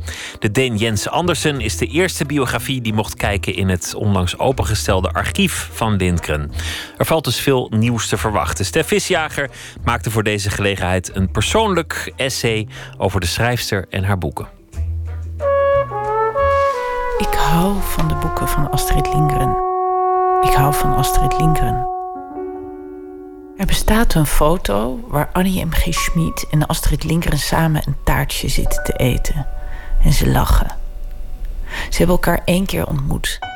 En beide zijn onconventioneel, tegendraads, grappig, heel grappig. Astrid Lindgren is nog veel beroemder dan onze Annie. Haar boeken zijn echt over de hele wereld vertaald. En haar Pippi Langkous werd wereldwijd een tv-heldin. 2 maal 3 is 4. Wiede, wiede, wiede, 2 is 9. Kreeg Maar Pippi was niet mijn favoriet. Ik zag Pippi als kind op tv en zelfs toen ergerde ik me aan die vreselijke nasynchronisatie. Die uberblije mevrouw die een meisje probeert te zijn. Ook in Pippi, zag ik later, zitten al alle ingrediënten die Lindgrens boeken zo bijzonder maken. Meestal zijn de hoofdpersonages kinderen die geen ouders hebben. Of ouders zijn afwezig. Ronja uit Ronja de Roversdochter, de gebroeders Leeuwenhart, Anna en Matthias uit de Rode Vogel. De Rode Vogel bijvoorbeeld begint zo. Lang geleden, in de dagen van de armoede, waren twee kinderen alleen op de wereld achtergebleven. Maar kinderen kunnen niet alleen op de wereld zijn. Kinderen hebben iemand nodig die voor hen kan zorgen. En daarom kwamen Matthias en Anna van de zonneweide in huis bij de boer uit Mira. Maar de boer uit Mira nam de kinderen niet in huis omdat hun blik zo helder was en hun handen zo schoon. Of omdat hun verdriet na de dood van hun moeder zo groot was. Nee, hij nam hen in huis omdat ze hem goed te pas kwamen. Kinderhandjes kunnen nuttig werk doen als je er maar voor zorgt dat ze geen bootjes snijden van boomschors en geen fluitjes van wilgehout. Die kinderen moeten het zelf rooien en dat doen ze ook. Listig, zonder gezeur van ouders, een leven vol avonturen. Maar dat is helemaal niet waar. Ze heeft het paard en een aapje immers. Zeg, Pippi, heb jij geen mama en papa? Nee, niet in het minste. Niet hier, althans. Maar wie zegt er dan tegen je wanneer je s'avonds naar bed moet? Doe ik zelf. Ik zeg heel vriendelijk, Pippi, naar je bed. Als ik dat niet doe, zeg ik wat strenger. Pippi, ga naar je bed. Luister ik dan nog niet, dan krijg ik een pak slag. Een jaar of tien geleden maakte ik een documentaire over Astrid Lindgren. Ik interviewde toen Marit Turnquist. Zij illustreerde veel boeken van Lindgren en kende haar goed. En het bijzondere is, Astrid kende Marit al toen ze een kind was, omdat Marits moeder, Rita Verschuur, haar boeken naar het Nederlands vertaalde. Ik laat een paar stukjes uit die documentaire horen, want daarin hoor je mooie voorbeelden van hoe de schrijfster samenvalt met haar avontuurlijke personages. Marit Turnquist dus. Wij, waren gewoon, wij kinderen waren gewoon in een stal. En dat mochten onze ouders niet weten. Wij waren iets heel gevaarlijks aan het doen. Want er was namelijk een balk en die zat heel hoog in die stal. En, dan, en daar stond een ladder tegenaan. En dan kon je op die balk klimmen. En dan, nou, dat was eigenlijk doodeng. En dan sprong je naar beneden. En aan één kant lag hooi, aan de andere kant was een houten vloer. Dan sprong je meters naar beneden en een salto's in de lucht maken en zo. En onze ouders mochten het niet weten en de boer mocht het ook niet weten, want het was gewoon veel te gevaarlijk. En op een gegeven moment kwam Astrid daar binnen. En wij waren dus echt, gadverdamme, er komt een volwassene binnen, dit mag niet. Maar Astrid die zag het en die kreeg echt zo'n boefachtige uitdrukking op haar gezicht. En die klom, 65 jaar oud, op de ladder. En die sprong ook naar beneden. En die zei, zo leuk heb ik het nog niet gehad sinds ik kind was of iets in die richting. Ah, ik weet niet. Ze was gewoon helemaal door het dolle heen. En wij waren natuurlijk helemaal perplex. klikken. En de boer werd uiteindelijk boos op haar en op ons. Want Astrid Lindgren, die was, zij was toen al heel erg bekend. En hij was als dood dat Astrid Lindgren in zijn stal zou, Zou verongelukken. Ja joh, dat was toch wel heel erg. Dus eh, nee, het was een heel mooi moment. Maar goed, je kan niet zeggen dat ik haar toen leerde kennen. Toen zag ik gewoon één kant van haar. Ik zag wel dat het een eh, heel ander soort volwassene was dan de meeste.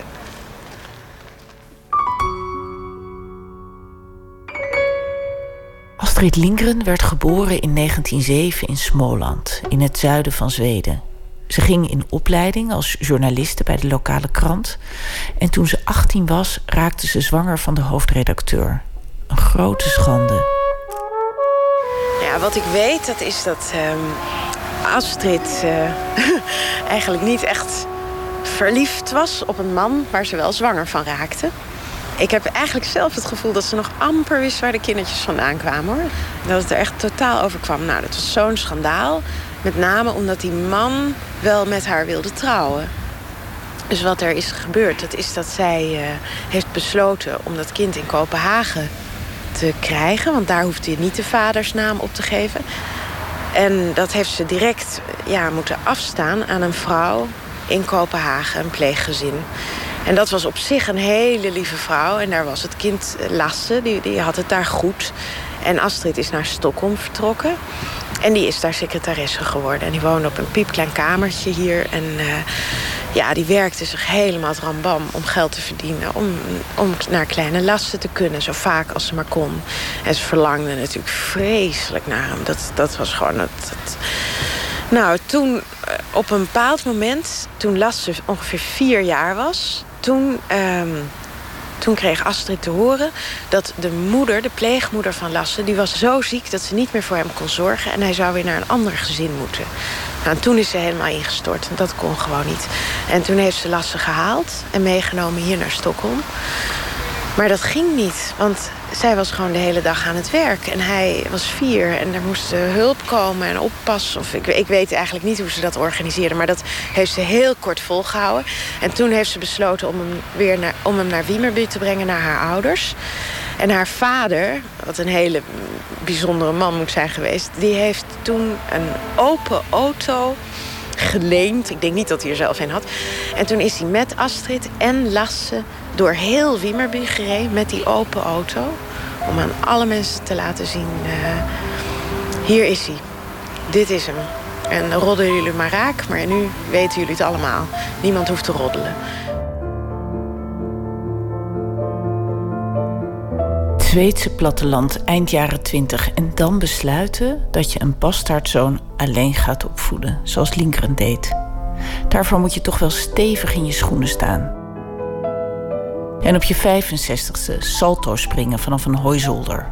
En zulke mooie boeken schrijven. Daarom hou ik zo van Lindgren. Ik beeld me in dat Lindgren eindeloos heeft gedacht over haar zoontje dat opgroeide zonder zijn moeder, zonder vader, bij die vreemde mevrouw in Kopenhagen. Dat Lindgrens jaren zonder haar zoon Lasse gemaakt hebben dat er meestal kinderen zonder ouders in haar boeken figureren. Dat ze met deze verhalen kinderen die eenzaam zijn of te weinig liefde krijgen, moed wilde inspreken. Hoewel ze er zelf een hekel aan had, aan mensen die haar boeken wilden psychologiseren. Als er een te psychologische vraag werd gesteld door een journalist, zei ze in Smålands dialect: Zeg, hoeveel kost een bruin paard gemiddeld? Met andere woorden, kunnen we terug naar het dagelijks leven? Ik viel voor Astrid Lindgren vanwege de gebroeders Leeuwenhart. Lindgren kan met haar dwarse natuur beweren dat je niet psychologisch moet doen over haar boeken. Ik heb toch weinig boeken gelezen die zo prachtig, troostrijk en diep psychologisch zijn als deze. Al weet je dat als kind natuurlijk niet. Toen las ik de gebroeders Leeuwenhart gewoon keer op keer op keer. En telkens moest ik weer heel hard huilen.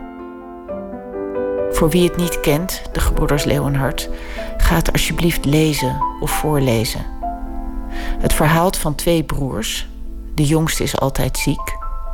Ze sterven en komen in een volgende wereld.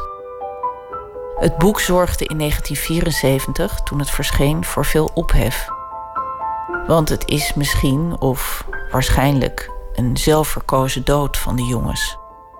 En dat was toen veel minder bespreekbaar dan nu.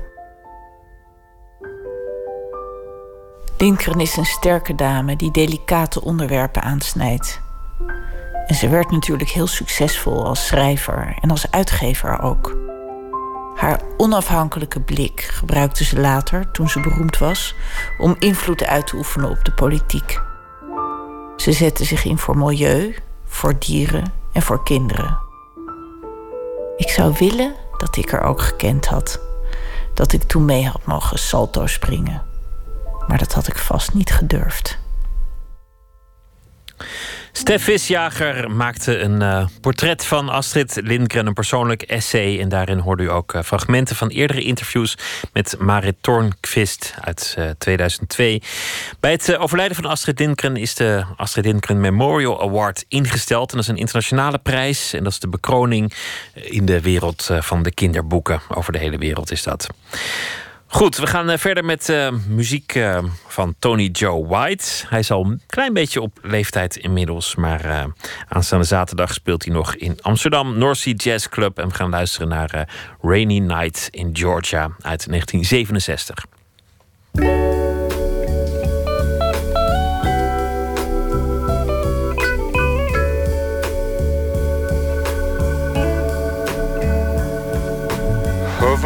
By my suitcase, trying to find a warm place to spend the night. A heavy rain a falling, seems I hear your voice calling. It's alright.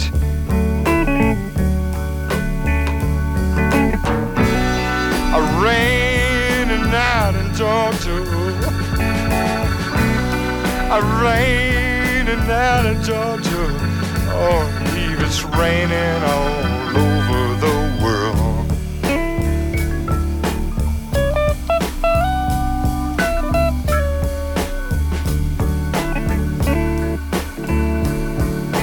Neon signs are flashing, taxi cabs and buses passing through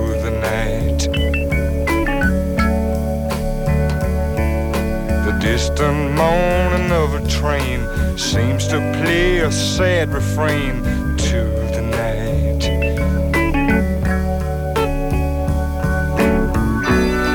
A rainy night in Georgia. It's such a rainy night in Georgia. Lord, I believe it's raining all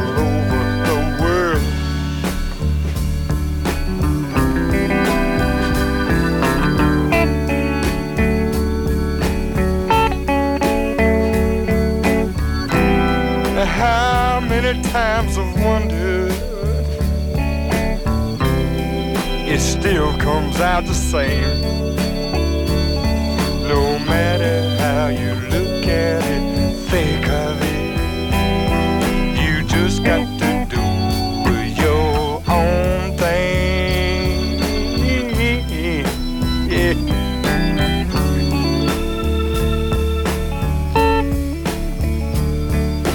find me a place in a boxcar, so I take out my guitar to pass some time.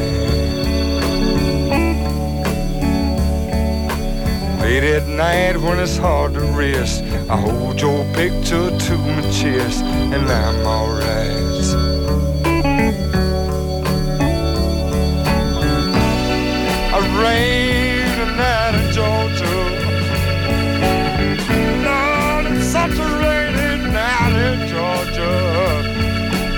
It's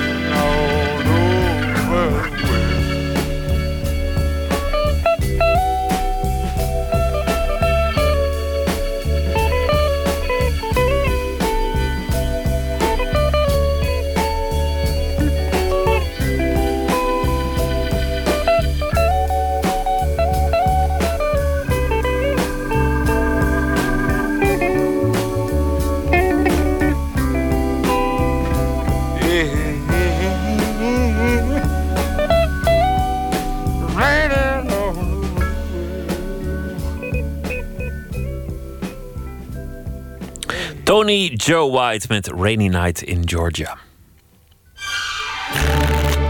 Open kaart.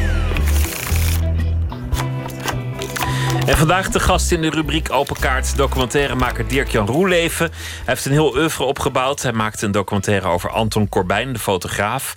Hij maakte Nieuwe Helden over de wielerploeg van Argos Shimano. En hij wilde daarmee bewijzen dat je ook zonder doping best kunt winnen. Hij schrijft ook veel. Maar nu is hij eh, hier vanwege een documentaire, De Europeaan. Die gaat over Frans Timmermans. Hij heeft hem een lange tijd mogen volgen. En dit weekend eh, gaat de film in première op het ITVA.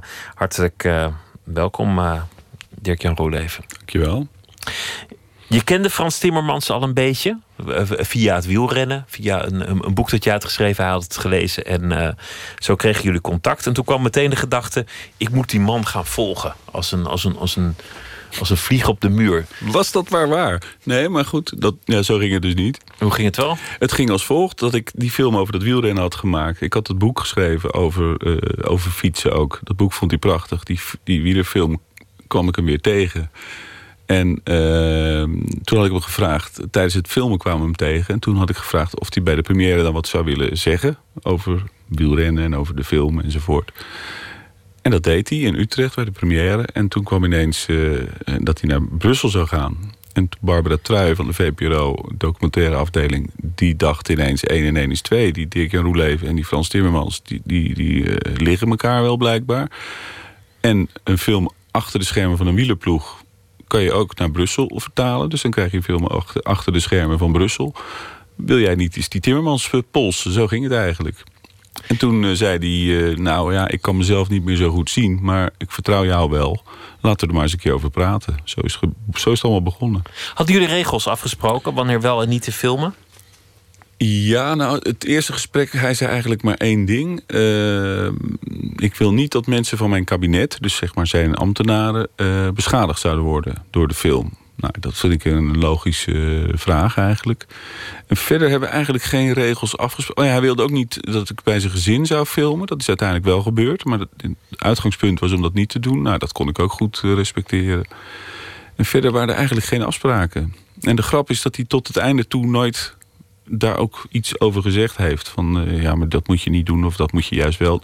Ik voelde geen enkele eh, sturing tijdens het werken. En dat vond ik wel grappig eigenlijk. Want Ook niet als hij met, met andere politici even zit te eten. Ook niet als er een, eh, achter gesloten deuren een, een bespreking plaatsvindt. Nou ja, daar mocht ik niet bij zijn natuurlijk. Als er achter gesloten deuren... eh, Wordt vergaderd, wordt er achter gesloten deuren vergaderd. Ja, precies. En bovendien is dat, als je dat gaat filmen, da- daar kun je eigenlijk in zo'n film ook helemaal niks mee. Want dat zijn hele lange, saaie eh, vergaderingen vaak. We hebben wel een paar keer achter gesloten deuren gefilmd. Daar ging het ook wel echt ergens over.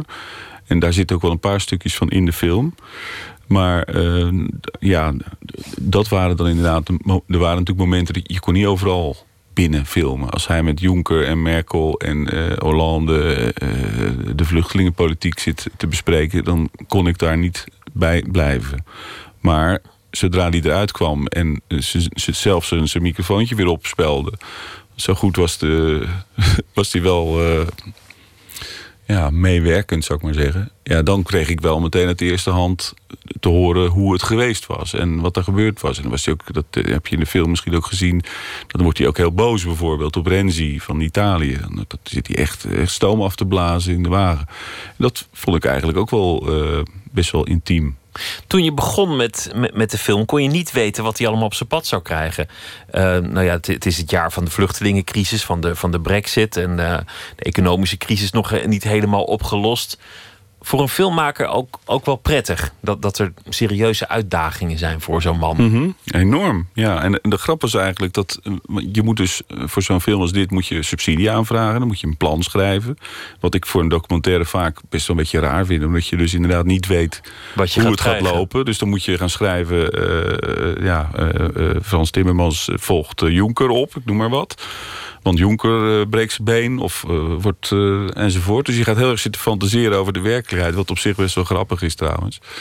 Maar eh, toen hadden we een, nou, we hadden een goed plan ingediend. Maar die commissie zei wel, ja, je hebt nog niet echt een, een, een dossier dat, er, dat, echt, ja, dat echt speelt. Waarin je ontwikkeling kan, kan waarnemen. En dat kon ik toegeven. Ja, hij ging betere regelgeving doen in Europa. Nou, dat is niet echt voor een film, is dat natuurlijk niet een super sexy eh, onderwerp. Dus het was eigenlijk voor mij een, eh, een ontzettende ja, eh, blessing in disguise, zou je bijna zeggen. Wat ik natuurlijk niet was. Dat vond ik, ik vond het vreselijk, maar er sloeg een boot om. Eh, met eh, heel veel slachtoffers op de Middellandse Zee, vluchtelingen. En toen kwam ineens dat hele vluchtelingendebat in, eh, in, in Europa eigenlijk goed op gang. Dat was dus voor mij, en dat kwam op het bord van Timmermans terecht. En dat was natuurlijk voor mij fantastisch. Je ziet de man keihard werken. Je ziet wat voor lange dagen die maakt. Je ziet hem ook ontspannen. Muziek is voor hem belangrijk. We zien hem karaoke doen. We zien hoe, hoe intiem het ook tussen jullie wordt. Bijna ongemakkelijk. Dat hij eh, nog net niet zijn tanden staat te poetsen in zijn hotelkamer. En, en dan ineens denkt: eh, verrek, die documentairemaker is er nog. Ja. Don, don er nou maar weer op. Ja. maar de, de vraag die, die, die me ook steeds meer bekruipt is: wat heeft deze Timmermans eigenlijk te betekenen? Hij, hij trekt aan allerlei eh, dossiers, hij, hij duwt op allerlei zaken, hij is, is permanent aan het bespreken en proberen een akkoord voor elkaar te krijgen. Maar heeft deze man eigenlijk wel zoveel macht? Nou ja, ik denk dat hij als diplomaat vooral heel erg eh, op zijn plek zit daar. En de macht die hij heeft gehad, met name met dat vluchtelingenvraagstuk. En dat is ook wel door Merkel en, en eh, Rutte ook eh, bevestigd. Dat hij eigenlijk stille kracht was achter die hele Turkije-deal. Hij heeft al dat eh gemasseerd en al dat ja, echt het, hoge diplomatieke werk wel verricht. Dat, dus die macht heeft hij. Maar de credits daarvoor die, die gaan dan toch vooral naar Merkel en naar Samson, die met het plan Samson kwam. Maar uiteindelijk ligt de basis, en dat zit, zit ook wel in die film. Die zit toch in, in wat hij daarvoor met zijn ambtenaren, hè, want hij doet het allemaal natuurlijk met een enorm team, eh, bereikt heeft. Dus in die zin heeft hij volgens mij de macht heel Maar- erg maar toch- achter de schermen. Als je kijkt naar de film, dan, dan zie ik meer eh, machteloosheid dan, dan Zeker. blijken van macht. Ik zie, ik zie Klopt. toch meer iemand die, die, die er achteraan rent dan iemand die ergens aan trekt of het vooruit duwt. Ja, nou ik denk dat hij achter de schermen bij die Turkije-deal heel veel eh, heeft geduwd en eh, gesleurd en bereikt. Maar zijn machteloosheid, en dat, dat is ook wat ik zelf in die film het, eigenlijk het, het- sterkste stukje vind. Dat is dat hij op een bepaald moment achter gesloten deuren eh, de, de ministers van Buitenlandse Zaken van de Europese lidstaten toespreekt. Met een, ja, een soort, soort, bijna een soort smeekbede van jongens, doe alsjeblieft eens een keer wat jullie met elkaar hebben afgesproken. Doe eens een keer wat jullie gezegd hebben te zullen gaan doen. Maar dat doen ze dus niet. En hoe moeilijk is dat? Hij zegt daarin ook echt gewoon zo duidelijk van ja, hoe kan ik mijn werk, hoe kunnen wij hier ons werk doen als jullie niet gewoon doen wat je met elkaar afspreekt? En die machteloosheid, dat, die voel ik heel sterk. En dat is vanuit de Europese Commissie eh, bekeken natuurlijk. Maar dat voel ik meer dan, eh, ja, dat is de machteloosheid die ik het meeste voel eigenlijk. Nou, dat, dat, dat is wel het meest interessante, vind ik. Want, want je hoort altijd over dat Europa te veel macht heeft... of dat er te veel macht naar Europa gaat. Alsof het een, een monster is dat, dat alles beslist. Maar hier zie je dan iemand die op dit ene vlak... een hele hoge functie in Europa heeft... en die het ook niet voor het zeggen heeft. Nee, nee dat klopt. Dat is, dat is ook wat, mijn eh, observatie van hoe Europa op dit moment wordt, eh, ja, hoe het nu werkt. En volgens mij is, is het feit dat Brexit is gebeurd het beste voorbeeld dat het niet goed werkt en dat het tijd is om het anders te gaan doen. Dat, dat viel mij inderdaad heel erg op. Klopt. Laten we beginnen met eh, de kaarten. Hier zijn ze. Ehm, ik wil je vragen om een vraag te trekken. En dan kijken of we zo nog andere dingen over je te weten komen. Wat is belangrijker? Inspiratie of transpiratie? Nou, dat is in dit geval een hele goede vraag, denk ik. Want, want eh, hoeveel uur ben je niet bezig geweest met deze film? Ja, heel veel uren. Dat weet ik niet. Maar wel, eh, ja, als je echt kijkt naar zonder camera... met ka- twee, twee jaar ben ik er wel eh, naast mijn andere werk... wel mee bezig geweest. Dus het is... maar transpiratie was het zeker. Heel erg veel. Dus ja, het, het- ja, transpiratie is wel denk ik in dit geval het, eh, het belangrijkste geweest. Maar de nachten die ik wakker gelegen heb, dat was denk ik vooral voor om inspiratie te, te vergaren Want je- in- want in mijn hoofd. Jouw manier van werken in dit geval is dat, dat je ontzettend veel materiaal verzamelt. Want je bent er heel veel bij. Je filmt ontzettend veel. En je moet dus selecteren. En je moet dus ook verhaallijnen gaan, gaan maken. Je moet, Mhm. moet onvoorstelbaar veel weggooien. Ja. Dat is dan weer inspiratie, lijkt me. Ja, precies. Dat klopt. Ja. Nou ja, je, je bent natuurlijk, te- terwijl je met zo'n project bezig bent, ben je permanent aan het, aan het afwegen. Wat ga je wel doen, wat ga je niet doen, hoe ga je het doen.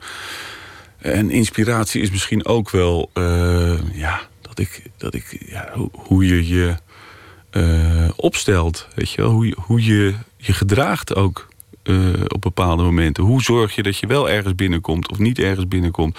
Hoe zorg je dat, ja, dat mensen jou eh, inderdaad vertrouwen? En dat, dat is volgens mij wel iets wat meer met inspiratie dan met transpiratie eh, te maken heeft. Ja. Laten we nog een vraag Ja. eh, trekken. Wie moet er dood? Ja, wie moet er dood? My god. Dat is een lekker hedendaagse vraag. Er moet, eh, Dat op vraag in- je even nu. Op het mij. internet moeten er altijd eh, duizenden mensen dood. Dus nu kunnen we het op de radio ook wel een keer doen. Wie moet er dood? Er moet helemaal niemand dood. Mag ik dat ook zeggen? Ja, je bent niet iemand die anderen dood wenst. Nee, natuurlijk niet zeg. Kom op. Nou, het is tegenwoordig de gewoonste zaak ja, van de dat wereld. weet ik wel, maar zo zit ik niet in elkaar. Nou, dat pleit ook weer voor je. Trek nog maar een kaart. Wanneer begon je jezelf serieus te nemen? Die is ook goed, zeg.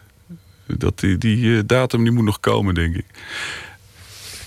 Ja, is dat zo? Nou, ik neem mezelf wel serieus in de zin van... ik, ik doe ontzettend mijn best om goed mijn werk te doen. Als dat jezelf serieus nemen is. Maar dat is niet wat ze ermee bedoelen, denk ik. Ik ben niet... Ja, hoe, wat, hoe- eh, wanneer begon je jezelf serieus te nemen? Ik vind het een hele moeilijke vraag. Omdat ik het gevoel heb dat ik dat niet zo heel erg doe. Weet je. Maar dat, als ik je- zie, als je ik zie wat ik allemaal doe... denk ik, ja, dat is gelul. Want je werkt heel veel. Je wil blijkbaar wil je iets. Dus neem je wel serieus wat je doet in ieder geval. Maar of ik mezelf daarin zo serieus neem... dat vraag ik me eigenlijk af. Ja, interessant, want, want je werk serieus nemen, dat, dat, dat moet je op een gegeven moment doen, anders krijg je niks voor elkaar. Mhm. Je moet, je moet toch de gedachte hebben, dit is de moeite waard, dit moet op tv komen of, of dit moet in de, in de bioscoop komen. Mhm. Maar of je dan de maker zelf ook zo serieus neemt, of dat je misschien af en toe in de spiegel kijkt en denkt, ach ja, ja.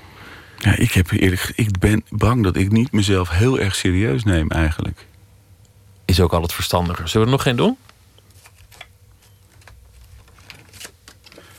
Welke rol had je als kind in het gezin? Wow. Ehm, ik ben de derde van een gezin van vier. Oudste zoon. Ehm, de rol die ik had... Ja, ik was toch gewoon... Het, het, ja, ik had twee oudere zussen. En die waren natuurlijk heel blij met dat kleine... En er zat zeven jaar tussen, geloof ik, ja. Dus die waren wel blij met een, eh, met een eh, klein eh, broertje, denk ik. Dus ik ben ontzettend verwend, eigenlijk. Eh, Vertroeteld. Heel erg vertroeteld, ja. Echt enorm. En wat voor gezin was het? Het was een gezin... eh, ja, mijn vader, die overigens vandaag eh 93 zou zijn geworden. Dat was wel grappig, 17 november. Hij is al eh, bijna 40 jaar dood. Dus hij was 53 toen hij doodging. En ik was toen 15. En eh, ja, dat was een eh, spaarwinkelier in een dorp in Zoeterwoude, bij Leiden in de buurt. En hij was, eh, en een café hadden ze en ze deden bruiloft en partij. Dus ik kom uit een ongelooflijk hardwerkend gezin. Mijn moeder hetzelfde, die, die leeft gelukkig nog wel. 88. Maar ja, die mensen waren altijd aan het werk. Altijd. En er was dus vrij weinig tijd voor eh, kleine Dirk, zou ik maar zeggen. En voor mijn broertje. Dus het was in, in die zin was het een eh, ja, middenstandersgezin... dat ontzettend veel eh, tijd aan werk besteedde. Ben je dat zelf anders gaan doen? Nou, dat is een goede vraag eigenlijk. Want ik werk me ook helemaal de kleren. Dus ik denk dat ik niet veel anders doe eigenlijk. Nee. In die zin had je ook een soort fi- filiaalhouder van iets kunnen Ja, zijn. makkelijk. Ja, precies. Ja, maar ik vind het wel grappig, want ik, ik heb nog steeds wel ook vaak het gevoel dat, dat ik het ook zo hard werk om aan mijn vader te laten zien dat ik het allemaal goed doe. Maar dat, hij is er al eh, 40 jaar niet meer. Maar dat, dat werkt wel zo bij mij. Dat ik toch steeds wel vaak heb van, kijk eens zonder handjes. Ik kan fietsen zonder handen, weet je wel? Kijk, kijk me eens werken, pa. Ja, zoiets. Terwijl dat een beetje raar is. Maar ik doe het werk natuurlijk... Ja, ik, ik doe het gewoon omdat ik het fantastisch leuk werk vind. En, en maar ja, misschien ook wel voor inderdaad die waardering of zo. Maar die Timmermans werkt, werkt vermoedelijk nog zelfs harder. Ja. Kijk je daar dat niet naar, ook, ook als een soort spiegel van... Goh, Ja, al, al dat- gewerk, er is ook nog een leven. Ja, dat klopt. Ja, ik zie best wel overeenkomsten daarin eigenlijk. Maar hij werkt veel harder nog en, en eh, natuurlijk een heel ander level. Maar ik zie inderdaad wel eh, dezelfde soort eh, ja, levenshaast bijna. Want hij wil ook allerlei vlakken wil die, het goed doen. Zijn gezin, muziek, boeken lezen, kunst, heel erg veel. Heel erg schrijven. En dan ook nog eh, voor Europa erbij doen. En ik heb inderdaad, ik ben ook wel iemand die, die. Mijn levensmotto is wel: eat your pie before you die, zou ik maar zeggen. En dat komt denk ik doordat die vader zo jong gestorven is. Eh, ik weet het niet hoor. Maar Ja, ik, zie daar wel, ik zie daar wel eh, overeenkomsten, ja. Vanaf eh, zaterdag is de film te zien op het ITVA. Zal die draaien. Maandag is die op televisie. De Europeaan. Dankjewel, Dirk-Jan Roeleven. Ze kwamen uit Liverpool, werden opgericht in 1978. De band Echo and the Bunnymen. En hun eh, album Ocean Rain was het album waar ze mee doorbraken. Ze huurden een 35-koppig orkest in voor die plaat. We gaan luisteren naar Seven Seas.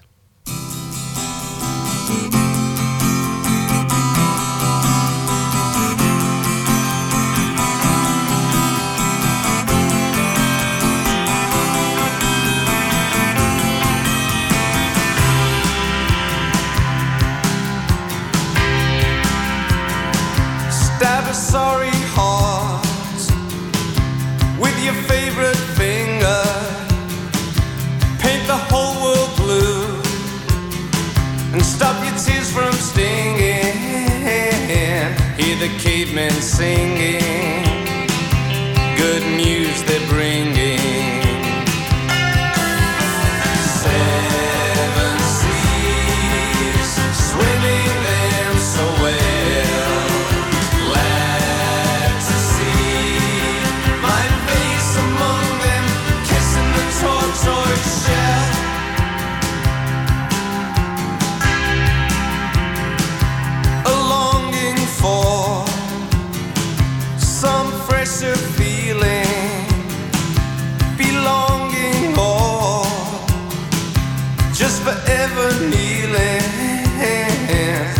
Sense in stealing without the grace to be it?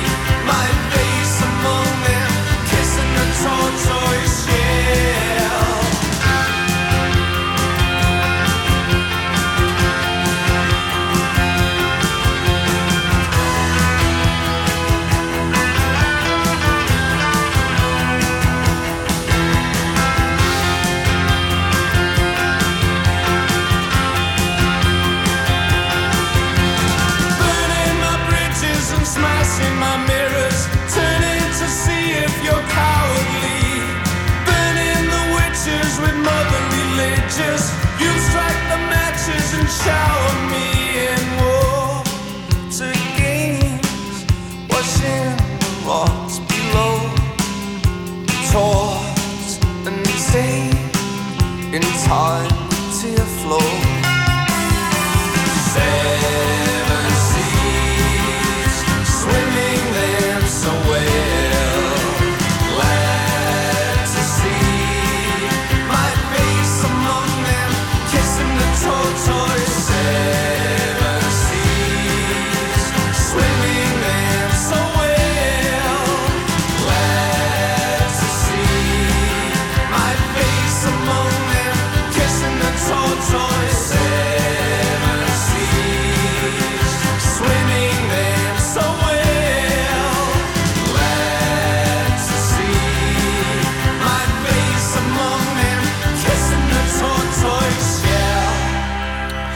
Uit de platenkast van Lotje IJzermans, Echo en de Bunnyman uit 1984 was dat. Nooit meer slapen. Er is een biografie verschenen van Boudewijn Bug, geschreven door Eva Rovers. Deze week zullen we elke nacht een van zijn bijzondere talenten en zijden belichten. Vannacht Bug als muziekfanaat.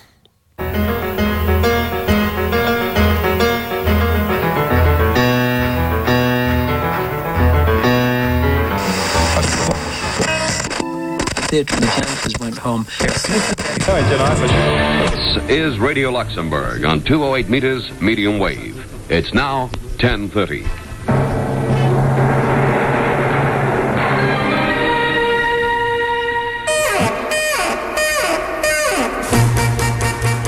Dankzij Radio Luxembourg maakte Boudewijn Buug als kleine jongen al kennis met de nieuwe muziek. Rock and roll. Hij groeide natuurlijk op in Wassenaar, heel, ja, toch wat benauwd in de jaren 50. Het was allemaal natuurlijk eh, niet echt heel erg spannend. En die, die muziek die golfde daar gewoon als een soort eh, eh, hernieuwde energie en frisse wind golfde dat zijn, zijn slaapkamertje binnen. En dat, ja, dat, dat moet voor hem een soort houvast zijn geweest. Of een, soort ontsnapping ook. Ook dat natuurlijk een soort, vlucht geweest uit, uit de saaiheid van alle dag. Zeer geachte heer Jagger, u kent mij niet, maar ik u wel omdat u de allerbeste zanger van de wereld bent. In Muziekparade heb ik gelezen dat u in Dartford geboren bent. En dat heb ik in de atlas opgezocht. U woont wel dicht bij zee, maar toch niet Acht brieven zou de kleine Buug naar zijn idool Mick Jagger hebben gestuurd. Maar antwoord kreeg hij nooit.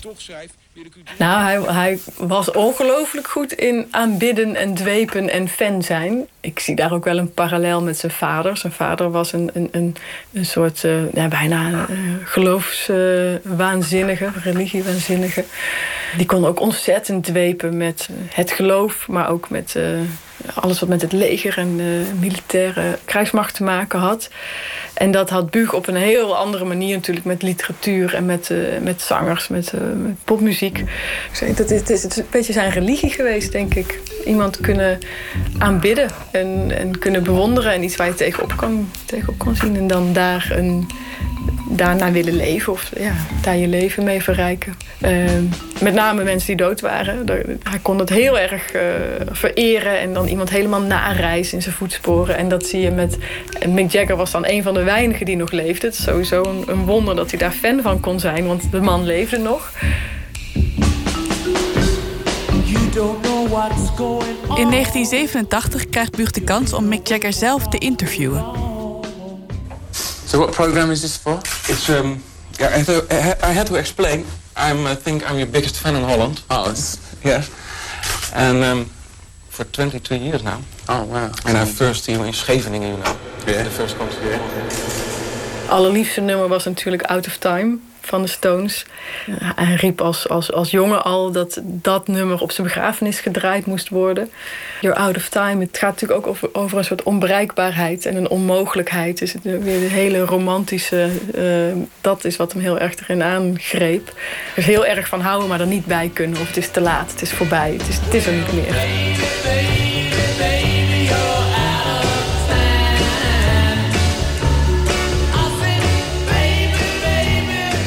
Hij vond in muziek heel veel. Hij vond heel veel herkenning, heel veel eh, energie, heel veel eh, levendigheid, heel veel bravoure en rebelsheid, maar ook heel veel tragiek. Eh, eigenlijk alles wat het leven tot het leven maakt. En zeker als je zo'n romantische ziel bent als hij. Come over. Hij praat en schrijft veel over muziek. Zoals in de columnreeks Tragiekmuziek in NRC Handelsblad. Er zitten een paar pareltjes tussen hoor, tussen die columns. Maar wat mij daar heel erg in opviel, is dat hij het dus niet onder woorden gebracht krijgt. Waarom die muziek zo fantastisch is. Want hij blijft dan toch vaak hangen in dit is geweldig of dit is fantastisch. Hij kan dat niet echt onder woorden brengen waarom dat nou zoveel voor hem betekent. En dat is denk ik omdat het dus zo'n persoonlijke beleving is, die misschien ook helemaal niet te verwoorden is. Hij kan wel heel erg enthousiasmerend over dingen vertellen. En het zit hem vaak in het anekdotische. Dus als hij over de muziek praat, dan gaat het vaak over. Kijk eens wat een verschrikkelijk tragisch leven Buddy Holly heeft gehad. En kijk eens eh, Roy Orbison, die zijn kinderen bij een brand verloren heeft. Of nou ja, weet je, het zijn altijd de anekdotes waarmee hij probeert aan anderen probeert uit te leggen hoe, eh, ja, hoe tragisch die muziek is. Maar ook dat is weer een verhaal. Het is niet, ja, dat heeft eigenlijk niks met de individuele nummers te maken. Het, om, om echt over te brengen wat die muziek voor hem betekende, wat individuele nummers voor hem betekenden, daar slaagde hij niet in. Ehm, maar hij kon mensen wel heel nieuwsgierig maken door het verhaal achter een zanger te vertellen, bijvoorbeeld. Maar ja, dat is meer uh, intellectueel dan emotioneel. Zijn muzieksmaak is breed, van Bach tot de Stones.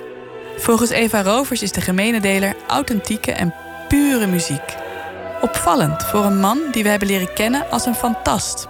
Daarom misschien juist wel, omdat, omdat hij daar misschien zo'n schaar staan had. En dat hij daar eigenlijk helemaal niet mee om kon gaan. En in, in zijn dagelijkse leven daar constant in verstrikt raakte. Omdat hij dus niet volledig eerlijk kon zijn of zijn ware gezicht kon laten zien. En dan kan ik me heel goed voorstellen dat je dus in, in, in inderdaad de pure muziek, dat je daarin iets vindt wat je, wat je mist.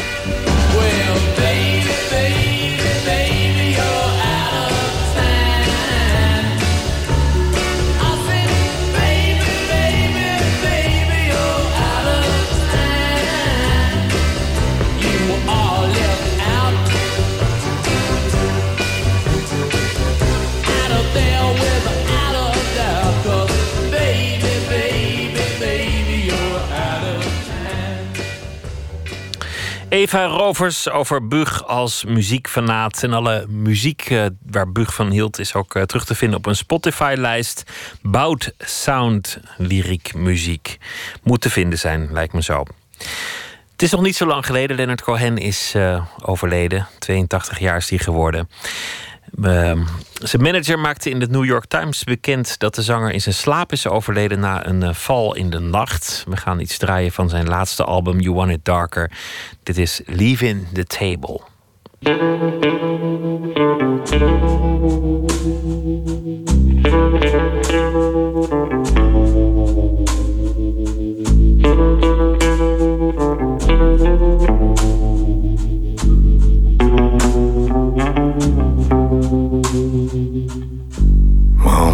Leaving the table.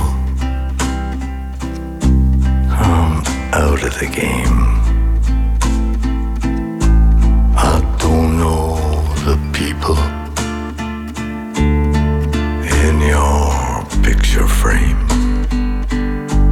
If I ever loved you, oh no, no, it's a crying shame if I ever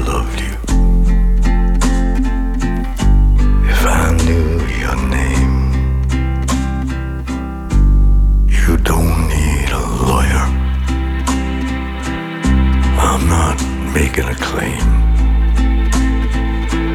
You don't need to surrender. I'm not taking aim. I don't need a lover, no, no, no. The wretched beast is tame. I don't need a lover. So blow out the flame. There's nobody missing. There is no reward. Little by little, we're cutting the cord.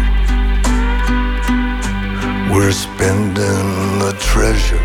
Oh, no, no, that love cannot afford. I know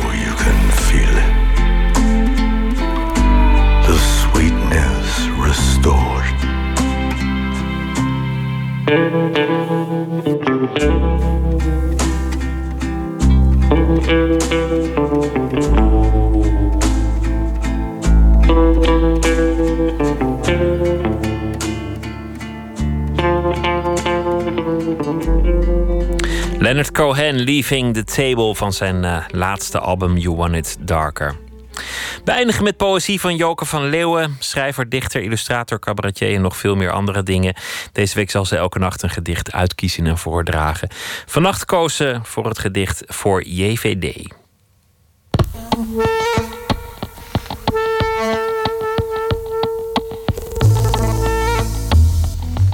Voor JVD. Gekregen als begin een voornaam, achternaam, zo leerde lopen op twee benen. Vanzelf wordt wie een leven heeft eerst groot, dan oud. Hij was verpleger voor zijn brood, zeg aan wiens bed. Zijn namennaam, die langzaam dunne code werd, zal ik die eens hard roepen op dit gras? Of in een brievenbus met toch alleen reclame? Tegen het licht in de lantaarnpalen? En dan vertalen naar bekend van toen en daar? Of schrijven in het zand bij eb met een gejut stuk hout?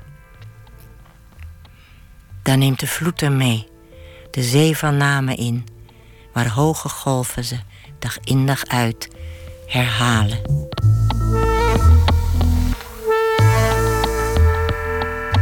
We hebben in mijn woonplaats Antwerpen de eenzame uitvaart, zoals dat onder andere ook in Amsterdam is. Als mensen in Antwerpen sterven zonder dat ze familie of vrienden hebben, dan gaat er een dichter mee en maakt een gedicht voor zo iemand, zodat hij niet helemaal alleen begraven wordt of gecremeerd, uh, uitgestrooid. Dit was een gedicht dat ik daarvoor maakte. Voor iemand die verpleger was geweest. Dat was een van de weinige dingen die ik van deze man wist.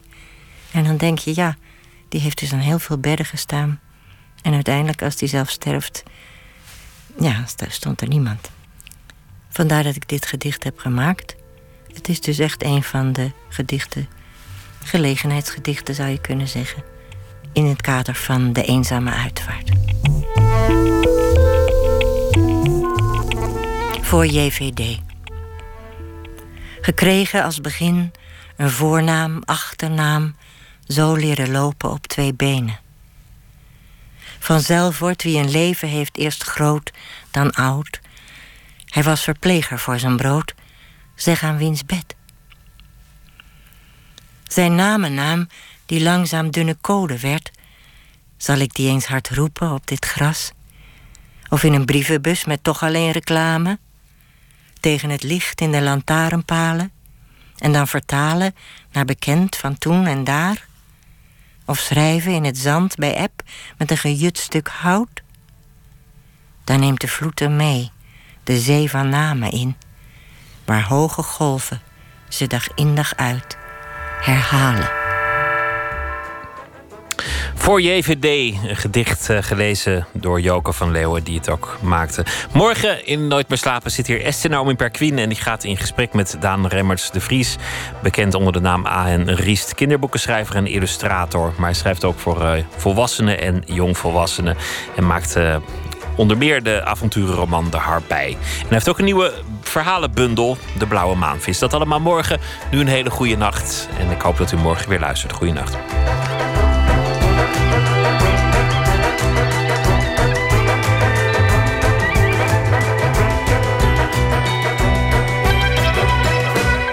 Op Radio 1, het nieuws van alle kanten.